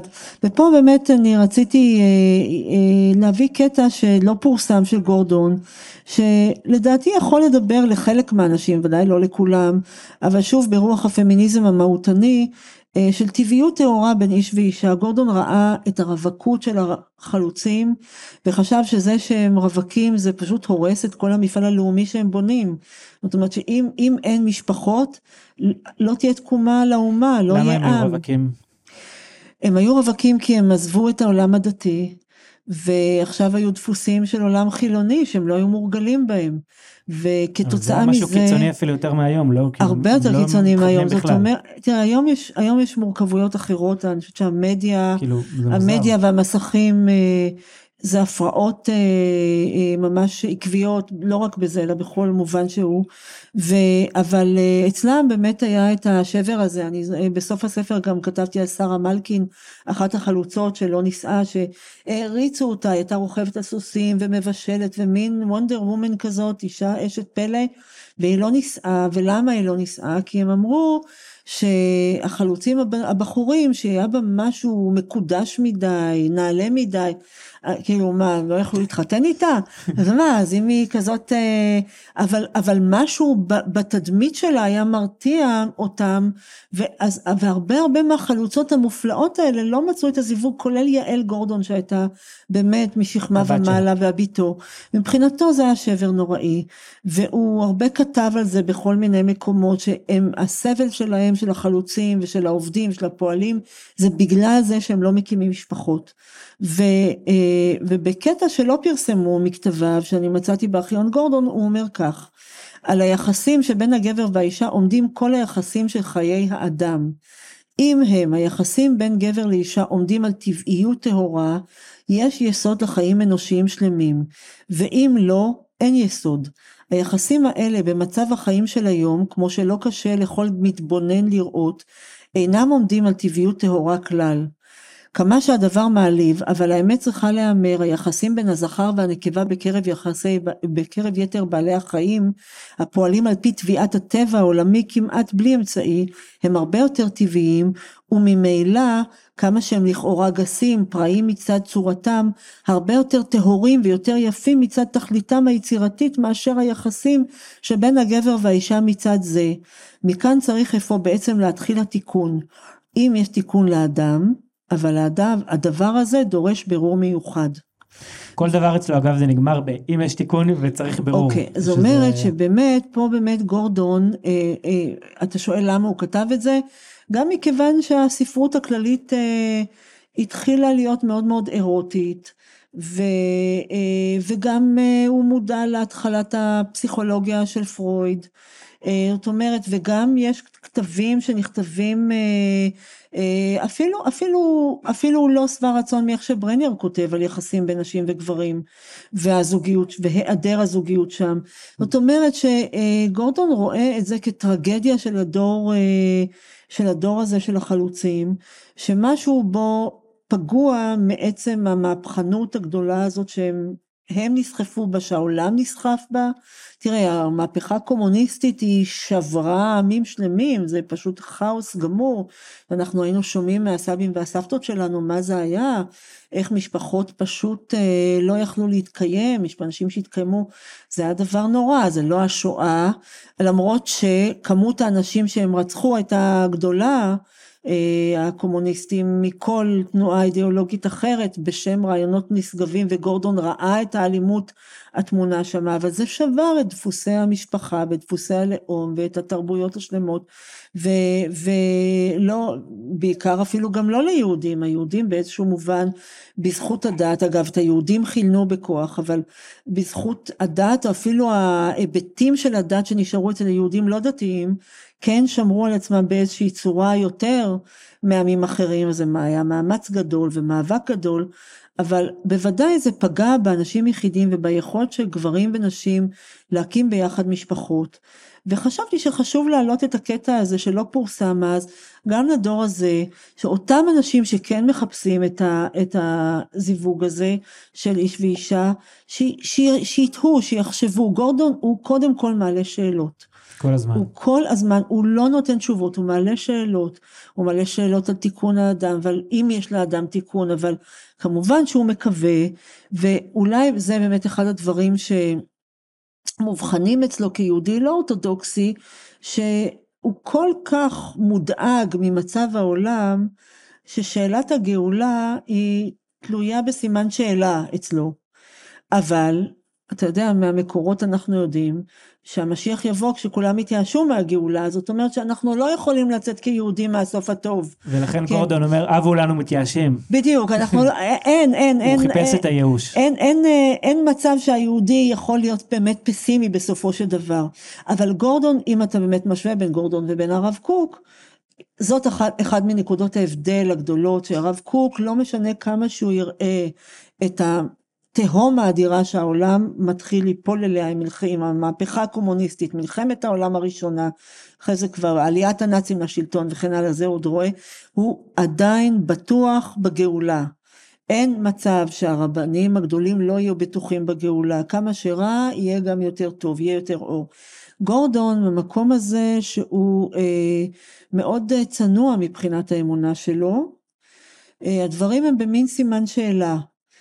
כביכול. כי הוא הבין גם שדווקא דרך הייאוש, והוא ממש מדבר על זה שדווקא, הוא נותן דוגמא את הרצל, נכון. וכל, בכללי הוא מדבר על זה, אבו לנו מתייאשים, שהוא אומר, אנשים מאמינים יש לנו מספיק, אנחנו צריכים מתייאשים, כי אם מישהו יתייאש מהמצב הקיים ויבין את הבעיות שיש פה, אז אולי יש סיכוי שנתקדם לגאולה. נכון. וזה משהו, גם באמת בימימה היא גם מדברת על ייאוש מהותי, שזה חלק מהעניין. ש... יש הרבה דמיון, אגב, כן. ועוד אה, חוקר, אלון שמיר באמת עליו, גם כן. מדבר על הדמיון.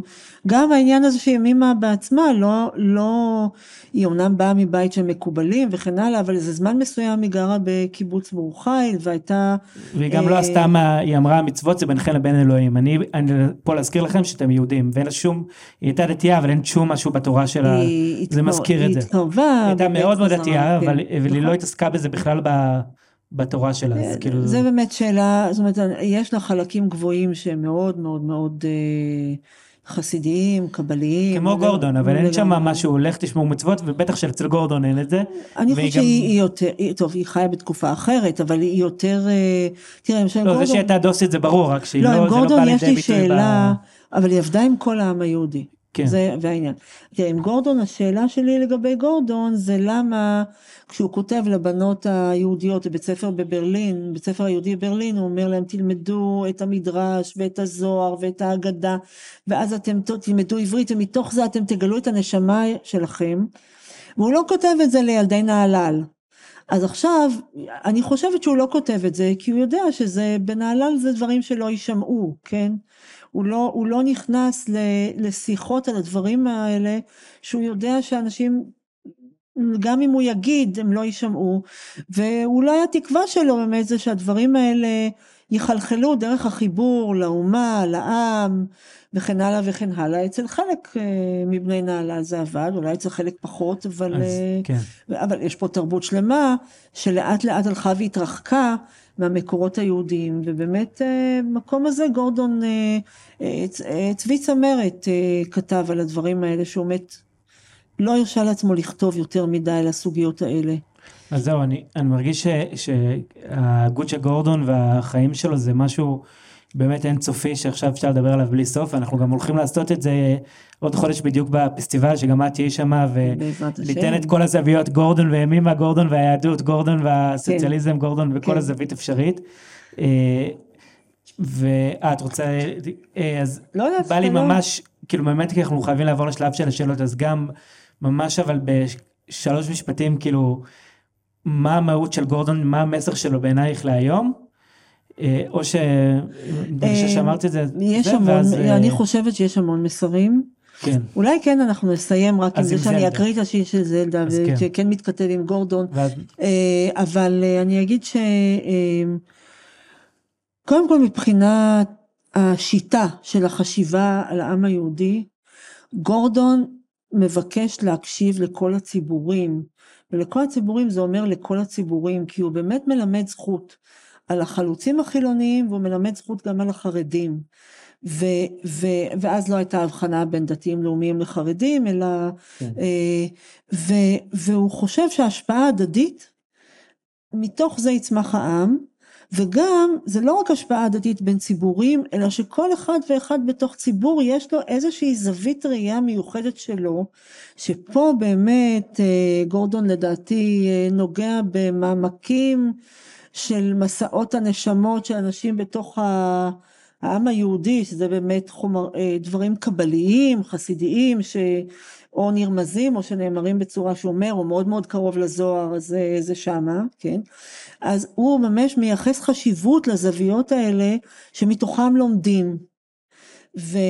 ובתקופה הזאת שאנחנו פה נמצאים באיזה פולמוס ציבורי כל כך נוראי שהמסכים כל הזמן מלבים ו- ו- ומעוררים ומסיתים, אז אני חושבת שההקשבה הזאת אה, לקול של גורדון במאמר אחרי הרעש שהוא כתב אחרי הבחירות הראשונות של היישוב בארץ, שהן היו מאוד מורכבות, אם נשים תשתתפנה, לא תשתתפנה, בחלק מהמפלגות הם כן, בחלק לא, וגורדון צריך להגיד, גורדון היה פמיניסט מהותני, אבל פמיניסט.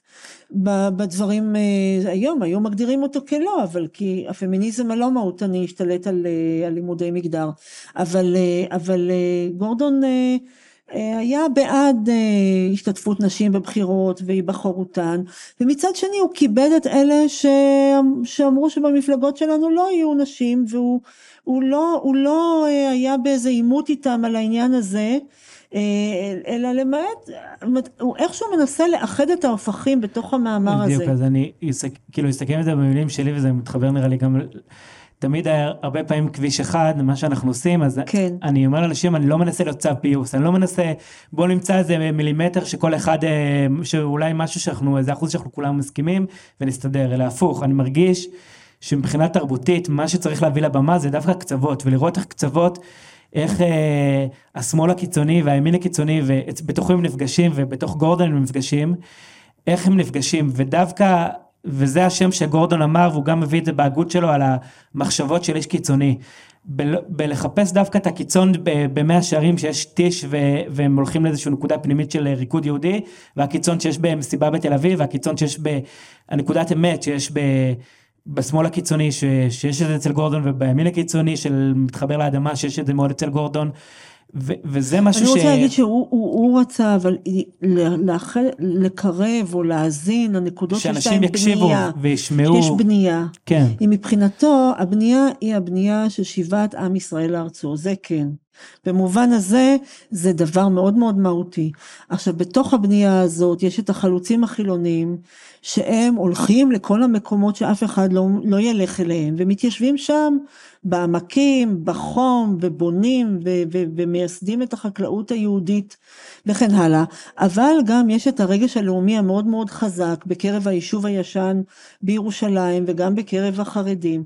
במובן הזה גורדון הוא מאוד כן דומה אם כי שונה בכמה דברים מהרב קוק שהוא באמת רואה את נקודת האור שיש בכל ציבור והוא חושב שהדיאלוג ביניהם הוא חשוב כי אחד יכול ללמוד מהשני. ואני חושב אפילו מעבר ל, ל, לשיח היהודי שזה גם חשוב כי זה אצל גורדון כן. מאוד, זה בכלל השיח האנושי המקום של לראות להכיל מורכבות לראות אה, כל הגישה שלו שאם אפשר לסכם אותה זה כן. לך ליער תתבודד תהיה עם הטבע ותקשיב לעצמך אל תקשיב לי הוא אומר את זה כל הזמן והמקום הזה של הוא אומר הגאולה תבוא שכל אחד יהיה הוא עצמו ובייחודיות של כל אחד. אבל אני רוצה להגיד, כאילו- זה לא אינדיבידואליזם קיצוני.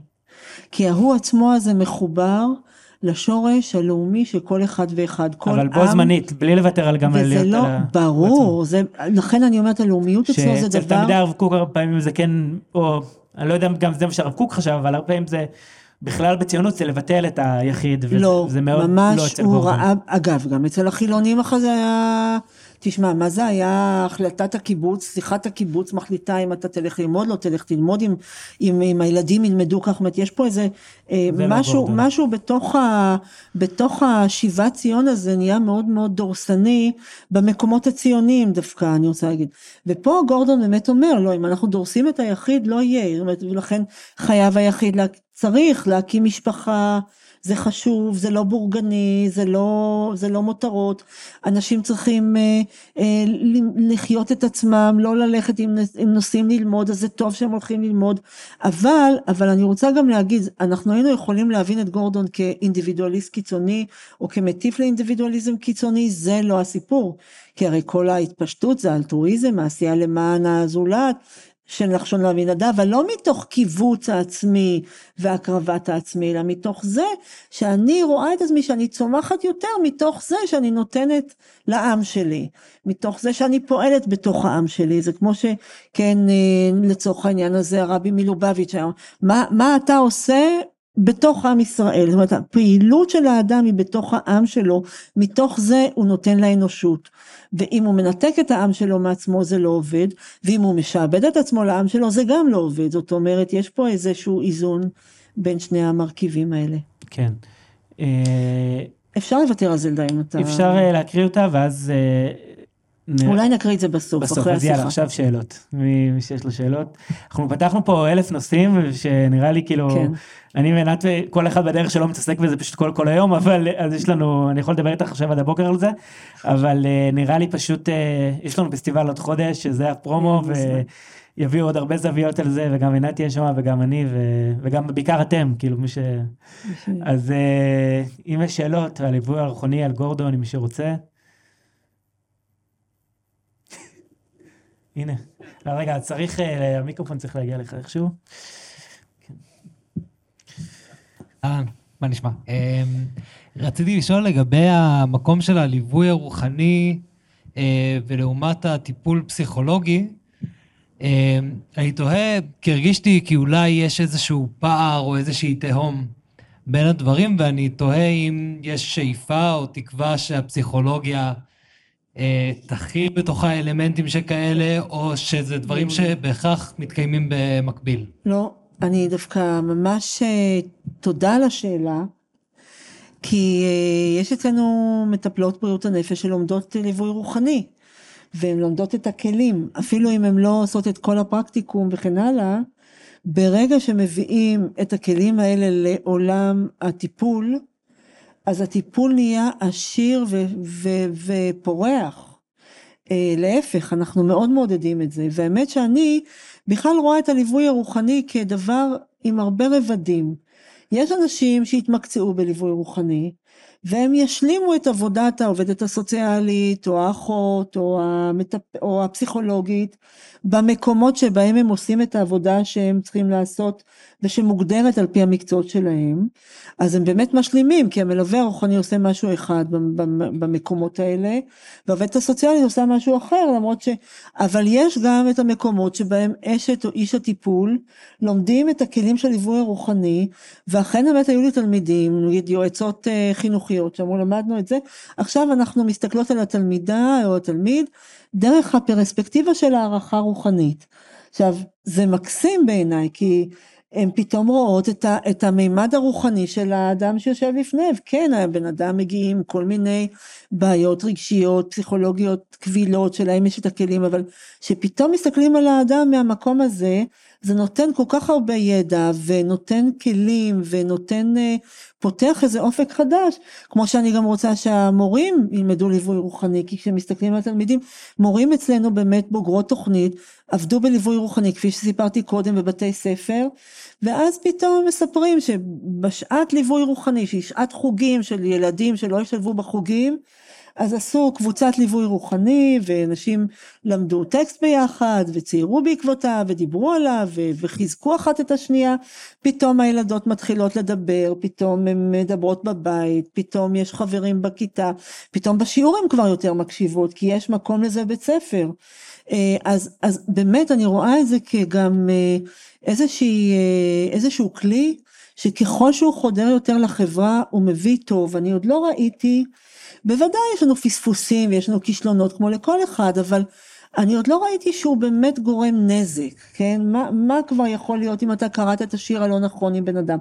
אם אתה באמת מתחיל להטיף לבן אדם, אז אתה לא מלווה רוחני, אז אתה מטיף, זה משהו אחר לגמרי. אבל זה יופי של דבר, וכשמשפחות לומדות את החשיבה הזאת, הן מסתכלות אחרת לגמרי על כל מיני אתגרים שיש להם. כפי שאני ציינתי, אנחנו הרבה פעמים נמצאים במקום בשביל להסתלק ממנו ולתת לה... למרחב אה, אה, להפעיל את הדרך הזאת בעצמו. זה באמת אה, ודאי. עוד אה, שאלות? עוד שאלות יש? כן, אבל הם עדיף עם המיקרופון. אמ, אם אנחנו מדברים על טיפול וליווי רוחני, אז ליווי רוחני דווקא לחבר'ה שהם עם פסיכוזות, או נקרא לזה ככה, כשהאגו לא, לא מספיק חזק. יופי, ששאלה. אז קודם כל אנחנו קצת התמחינו במחלקות פסיכיאטריות ואחרי זה עזבנו. כי באמת יש חשש שאנשים בורחים אל הרוח והרוח משרתת אז את החלק הפגוע אצלם בנפש. מצד שני, אה, זה שאנחנו לא שם היום זה לדעתי לא טוב, כי בשיתוף פעולה עם אנשי בריאות הנפש, הליווי הרוחני יכול לתת המון למלווים רוחניים, אם הוא נעשה בצורה זהירה ולא יומרנית, ותחת אה, עינם הפקוחה של אנשי בריאות הנפש. ולמה? קודם כל מבחינה היסטורית, הליווי הרוחני בארצות הברית התמקצע על ידי אה, אנטון בויזן שהוא היה, אתה יכול להגיד שליווי רוחני קיים מאז ומתמיד, מיום שהאדם, מיום שהאדם אה, נולד, מיום שהאדם נברא, כן? אתה יכול להגיד שכל התנ"ך זה ליווי רוחני מסוים, שאנשים מתמודדים עם אתגרים ומוצאים את הכוחות ועוזרים אחד לשני, או שאין להם מי שיעזור להם והם מוצאים יוסף בבור, מוצא את הכוחות ו... ו, את החיבור שלו לאלוהים וכולי, אבל אה, מבחינת מקצועות או, או תחום מקצועי שיש לו איזושהי הגדרה, כך וכך לומדים וכן הלאה, אז uh, התחיל uh, עם uh, חולה נפש שהוא היה כהן דת פרוטסטנטי בארצות הברית בשנות ה-20 והוא מאוד מאוד התעקש כשהוא, וכשהוא בא לבוסטון לעבוד עם רופא אה, אה, רופא שאגב הכניס אחרי זה עובדות סוציאליות לבתי חולים, ריצ'רד קאבוט, אז אה, היה ביניהם מחלוקת, קודם כל התחילו במחלקות פסיכיאטריות וראו שמצבם של החולים הפסיכיאטריים משתפר כתוצאה מזה שתלמידי תיאולוגיה מסתובבים ביניהם, מקשיבים להם ומדברים איתם. ואז אה, הם בכל אופן התפצלו כעבור כמה שנים, ומי שהכניס אותו, הרופא שהכניס אותו לבית החולים אה, בבוסטון, מאותו רגע אמר שנותנים ליווי רוחני רק לאנשים שיש להם מחלות פיזיות ברורות ולא לחולי נפש. אה, כי הייתה ביניהם מחלוקת. בויזן חשב שהסיבה שה, שהחולים האלה הם חולי נפש זה מכיוון שיש להם השקפת עולם לא, לא בריאה. ושאחד הדברים זה צריך למצוא אצלם איזשהו איזון בהשקפת העולם. שיש להם איזה דיספרופורציה ביחס לקיומם בעולם, יש להם אולי חוויות אה, אה, אמיתיות שדומות לחוויות של הנביאים, אבל הנביאים יש להם פרופורציה, כן? הם, יש להם רגליים על הקרקע בין החזיון שהם ראו ובין המציאות ואיך הדברים מתנהלים במציאות, וזה שאולי רוב האנשים לא, לא שומעים לקולם, כן, לצערנו, אולי היינו על מצב יותר טוב אם היו, זאת אומרת, הנביא הוא עם, עם הרגליים על הקרקע, הוא איש מעשה, גם, גם המקובל, אגב, גם המקובל, תחשוב, רבי יוסף קארו, היה מקובל גדול, והיו לו, אנחנו יודעים שהיה לו אה, חזיונות, חזיונות ובאמת, אבל בזכות זה שהוא היה אב בית דין ומקובל ואיש הלכה, היה מאוד ברור מה קורה על הקרקע ומה מה יש בשמיים, וגם שהאדם לא, לא יודע את כל מה שיש מעל ומעבר, כן? הוא מקבל משהו מתוך, ה, מתוך העולמות העליונים. האדם הפסיכוטי, אה, או שחולה ורואה את ה... יכול להיות שהדברים שהוא מקבל הם נכונים, אבל הוא לא יודע למצוא את האיזון בין המציאות, והוא לגמרי מאבד פרופורציות ביחס למקומו בעולם. ולכן באמת, אה, אה, בויזן אמר שחלק מהמעשה של המלווה הרוחני זה לעזור למצוא את האיזון, לא, לא לזלזל במה שאדם עבר, אבל למצוא את האיזון, לעזור למצוא את האיזון, ו, ואז אחרי שהם התפצלו, בויזן עבר לשיקגו, ושם הוא עבד במחלקות פסיכיאטריות, והיו יושבים אנשי תיאולוגיה, עם הרופאים הפסיכיאטריים, ויחד דנים במקרים ועוזרים לשיפור מצבם של החולים הפסיכיאטריים. עכשיו אני לא מתיימרת שאנחנו נחזור למקומות האלה, אבל המצב הוא היום, במחלקות פסיכיאטריות זה אני שומעת מתלמידים שלי שנגיד עובדים במקומות האלה, שהלומדי, שהמאושפזים מקבלים תרופות וזהו, זהו. גם לא טיפול של פרויד, גם לא טיפול פסיכולוגי של פרויד, אלא בעצם לא, גם לא ריפוי, ריפוי בעיסוק מאוד מאוד אה, רדוד ולא משמעותי. זאת אומרת שיש באמת איזה זלזול בעולם הרוחני שלהם. עכשיו איך אנחנו משלבים את זה פה, אני אגיד שאנחנו באמת אה, מכיוון שכל כך הרבה, תודה לאל, כל כך הרבה מקומות צריכים אותנו, ואין איזשהו תלמיד שבאמת להוט לנסות לבדוק את הנושא הזה בצורה מסודרת ומפוקחת, אז אני די נטשתי את הזירה הזאת.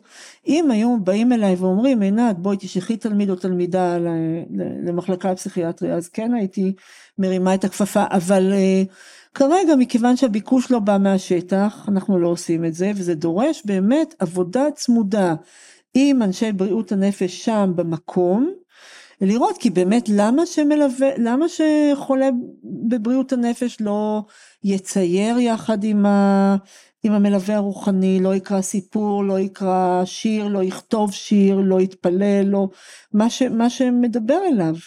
אה, אבל אה, אתה יודע, ואידך, כן, במובן הזה לא עליך המלאכה לגמור ולא אתה בן חורין להיבטל ממנה, זאת אומרת, אנחנו, לא עלינו המלאכה לגמור, אנחנו מתחילים פה משהו, והיה אם תהיה הזדמנות, אנחנו אה, נרים את הכפפה, אבל אם, אם אין הזדמנות, אז יכול להיות שבאמת עוד לא הגיעה השעה.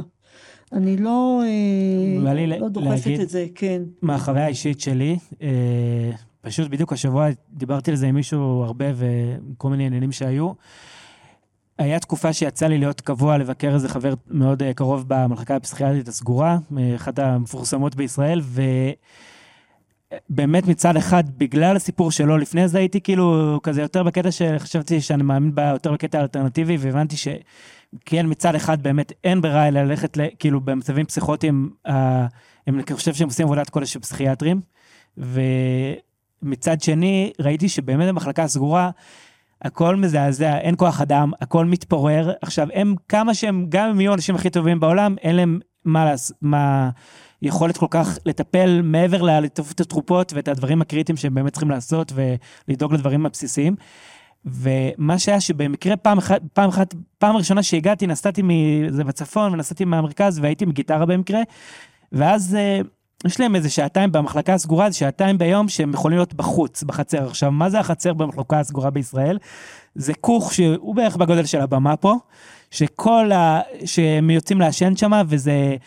אה, 20 אה, לפחות אה, מאושפזים ברגע נתון יושבים בכוך הקטן הזה, הם כולם בסיגריות וזה, ושגם שג, שגם, שגם הסיגריות, אני חושב, זה משהו באמת שאני לא תמיד מתחבר, אבל שם זה דבר קדוש בעיניי, כי זה מפלט שנותן להם וזה משהו שאין מה לעשות. ואז בחצר הקטנה, בסיגריות וכל הדבר הזה, אז הם אמרו, תנגן לנו, תנגן לנו. עכשיו, אני, קשה לי, אני לא יודע אם זה, שמים לב, אבל קשה לי מאוד, כאילו, עם קהל, ובטח, אני יודע לנגן לעצמי, אני בחיים לא מנגן עם אנשים, אני מנגן שאחד לאנשים, אני מפסיק, אני כאילו, קשה לי, אני, יש לי, לא מתבייש, כאילו, ואני אף פעם לא מנגן עם אנשים, וכן, שמה, זה, זה מצב של אנשים שהם מאוד חשופים, אז אתה, אין לך על מי כאילו להתפדח, אז לא התפדחתי, וכאילו עשיתי להם שיר ועוד שיר, ובסוף כל השעתיים ניגענו שם. והיה חוויה כל כך כל כך חזקה, שכאילו בחיים לא היה לי ממוזיקה, מדבר זה כזה. הכרחי, תקשיב, אמא שלי הייתה כי- מרפאה בעיסוק במחלקה פסיכיאטרית. אומנים יצאו משם, אבל היום הריפוי בעיסוק לא, ו... באיזשהו מובן הריפוי בעיסוק היה יותר רוחני אז. אז אומרת, היום מאז שיש תרופות, זה הניוון של החברה הפוסט-מודרנית, שהיא חושבת שהתרופות יפתרו את כל הבעיות של האנושות, ו, ו, ונהפוך הוא, זאת אומרת בעצם על ידי זה שאני לא אומרת, בהחלט נחוץ וטוב שיש תרופות טובות וכן הלאה, אבל החשיבה הזאת שזה כל מה שייתן לאדם פתרונות, בעצם מדרדרת את האדם. כן, ובאתי רק להגיד באמת שכאילו, מה, איזה שירים, שירים כאילו, מה אני יכול לשיר עם אנשים שאין להם מכנה משותף, כאילו כל כך, אז באמת שרנו כל מיני דברים כאלה, הם לימדו אותי את השיר הזה שלא הכרתי על התן, תן, תן, תן, תן, לעומתה, כל מיני תפילות כאלה ודברים, שכזה, ו... והם נורא התלהבו, וחבר'ה גם יותר מבוגרים, הרבה יותר מבוגרים ממני, וכאילו, זה, אמרתי, זה פה, ליווי ש- רוחני. זה ליווי רוחני, בלי ליווי לדעת, אני מבין שזה ליווי רוחני, וה-. הפסוקים והשירים נתן להם משהו כל כך חזק שם, ששוב, צריך את התרופות וצריך את מה שקורה, אבל אני פשוט, בש... אני חושב, שזה ממש שליחות, אם יש מישהו שיכול ללכת למחלקות האלה ונותנים להיכנס גם למחלקה הסגורה די בקלות, ווואו, זה כל כך יכול לתת להם משהו שלא במקום התרופות ולא במקום הזה, אבל משהו שהוא... כי זה, זה השעה שבן אדם נמצא במצוקה הכי גדולה, אי אפשר להסביר את זה, מה זה מצוקה פסיכית, כאילו, מה זה מצוקה נפשית. זה אנשים במצוקה הכי גדולה שלהם, וכל מה שיש להם זה בתוך כלא, מתפורר עם אנשים במצב פסיכוטי לידך, ואתה כאילו, שום, שום נחמה חוץ מסיגריה ושמש בכמה סורגים, אז אני, אני באמת חושב ושיש ש... אנשים שמתחילים לעשן שם, וזה גורם להם בעיות. כן, ו- מתחילים לעשן שם. בגלל זה שהם מגיעים לשם כלא מעשנים ומתחילים, יוצאים משם כי זה הדבר כמעשנים. היחיד שאתה יכול וזה איכשהו כמובן אחרי זה יכול. חלילה לפגוע להם בבריאות כן. בצורה אחרת. אז אה, אבל זהו, ו... אנחנו רוצים לפגוע, לסיים בנימה. אופטימית, נכון? כן, בדיוק. קודם כל אני גם רוצה להגיד תודה שאבא שלי כאן, אמנון רמון בקהל, אני ממש אה, שמחה שהוא זכה לבוא, ושזכינו בו, ואני רוצה דווקא לקרוא שיר מתוך זלדה, שהבהיר לי את המקום של החוויה הנשית בתוך העולם הדתי, שיש לה משמעות. אה, כי אה, ו- ואני חושבת שזה הרבה מעבר לחוויה הדתית, זאת אומרת יש פה איזה עניין, השיר הזה נקרא פנאי והוא ידוע והוא הולחן, ואחת הבעיות שלנו אגב, שאני חושבת גורמות לכל ההפרעות האלה בחברה הפוסט מודרנית, זה שאין לנו מספיק פנאי, ואנחנו לא מתייחסים ברצינות לפנאי. אנחנו תמיד במסכים, אנחנו תמיד רצים, אפילו, אפילו בשבתות, מי ששומר שבת גם כן לא מספיק מתייחס לפנאי, יש פה איזה זמן שאנחנו יכולים לצקת לתוכו. אה, את הקשרים הבין אישיים הטובים והקרובים והשיחות. אז אה, הפנאי של זלדה, היה לנו אוצר סמוי של פנאי, עדין כאוויר הבוקר, פנאי של סיפורים, דמעות, נשיקות וחגים. פנאי של אמא, סבתא והדודות, יושבות בנחת בסירה של זיו, שתות אט אט, בדוגית השלום עם הירח ועם המזלות. ובמקום אחר, אני כבר לא אדפדף בספר, אה, היא מדברת על, על זה שלאלוהים יש פנאי, זאת אומרת, יש פה איזה אה, מימד אחר לפגוש את אלוהים. אה, מימד אחד זה המימד של הנצח שאנחנו פוגשים בבית הכנסת, בחגים, בעשייה, בתפילות, גם, גם בלוח הזמנים הלאומי, כן? יום העצמאות אה, וכן הלאה. ומימד אחר זה הזמן של הפנאי, זאת אומרת שיש מרחבים שמאפשרים אה, להיפגש אחד עם השני ולדבר שיחת נפש. וזה עושה טוב שבעתיים מכל כך הרבה דברים אחרים. באמת ככה, בשבת הלכתי בשכונה שלי וראיתי שני אנשים יושבים במרפסת, מדברים, מדברים, מדברים אחד עם השני, וכל כך שמחתי בסיטואציה הזאת, כי אנחנו הרבה פעמים אה, מאבדים, באיזשהו מובן המבנה של העולם היום מאוד מאתגר מבחינת היכולת שלנו לשבת בפנאי הזה עם עוד אנשים ולהיות בדוגית השלום ולהפליג, כי באמת, אה, ואת הדברים האלה צריך לזכור, ואיך זה מתכתב עם גורדון, אני חושבת שהחוויה של גורדון זה זה.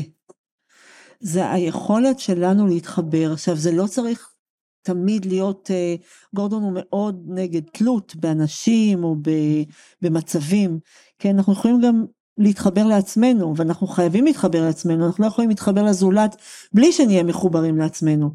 אבל מבחינתו הרבה פעמים השיחות עם האנשים והמכתבים וההתכתבויות, זאת הייתה החגיגה של החיים. וכדאי, כדאי, אני חושבת, מתוך המורשת העמוקה שלנו, אה, וגם המורשת החדשה העמוקה שלנו, החדשה יחסית, של גורדון, זלדה, אה, להעמיד את זה כנר למרגלנו, את הפנאי, את השיחה, את שיחת הנפש.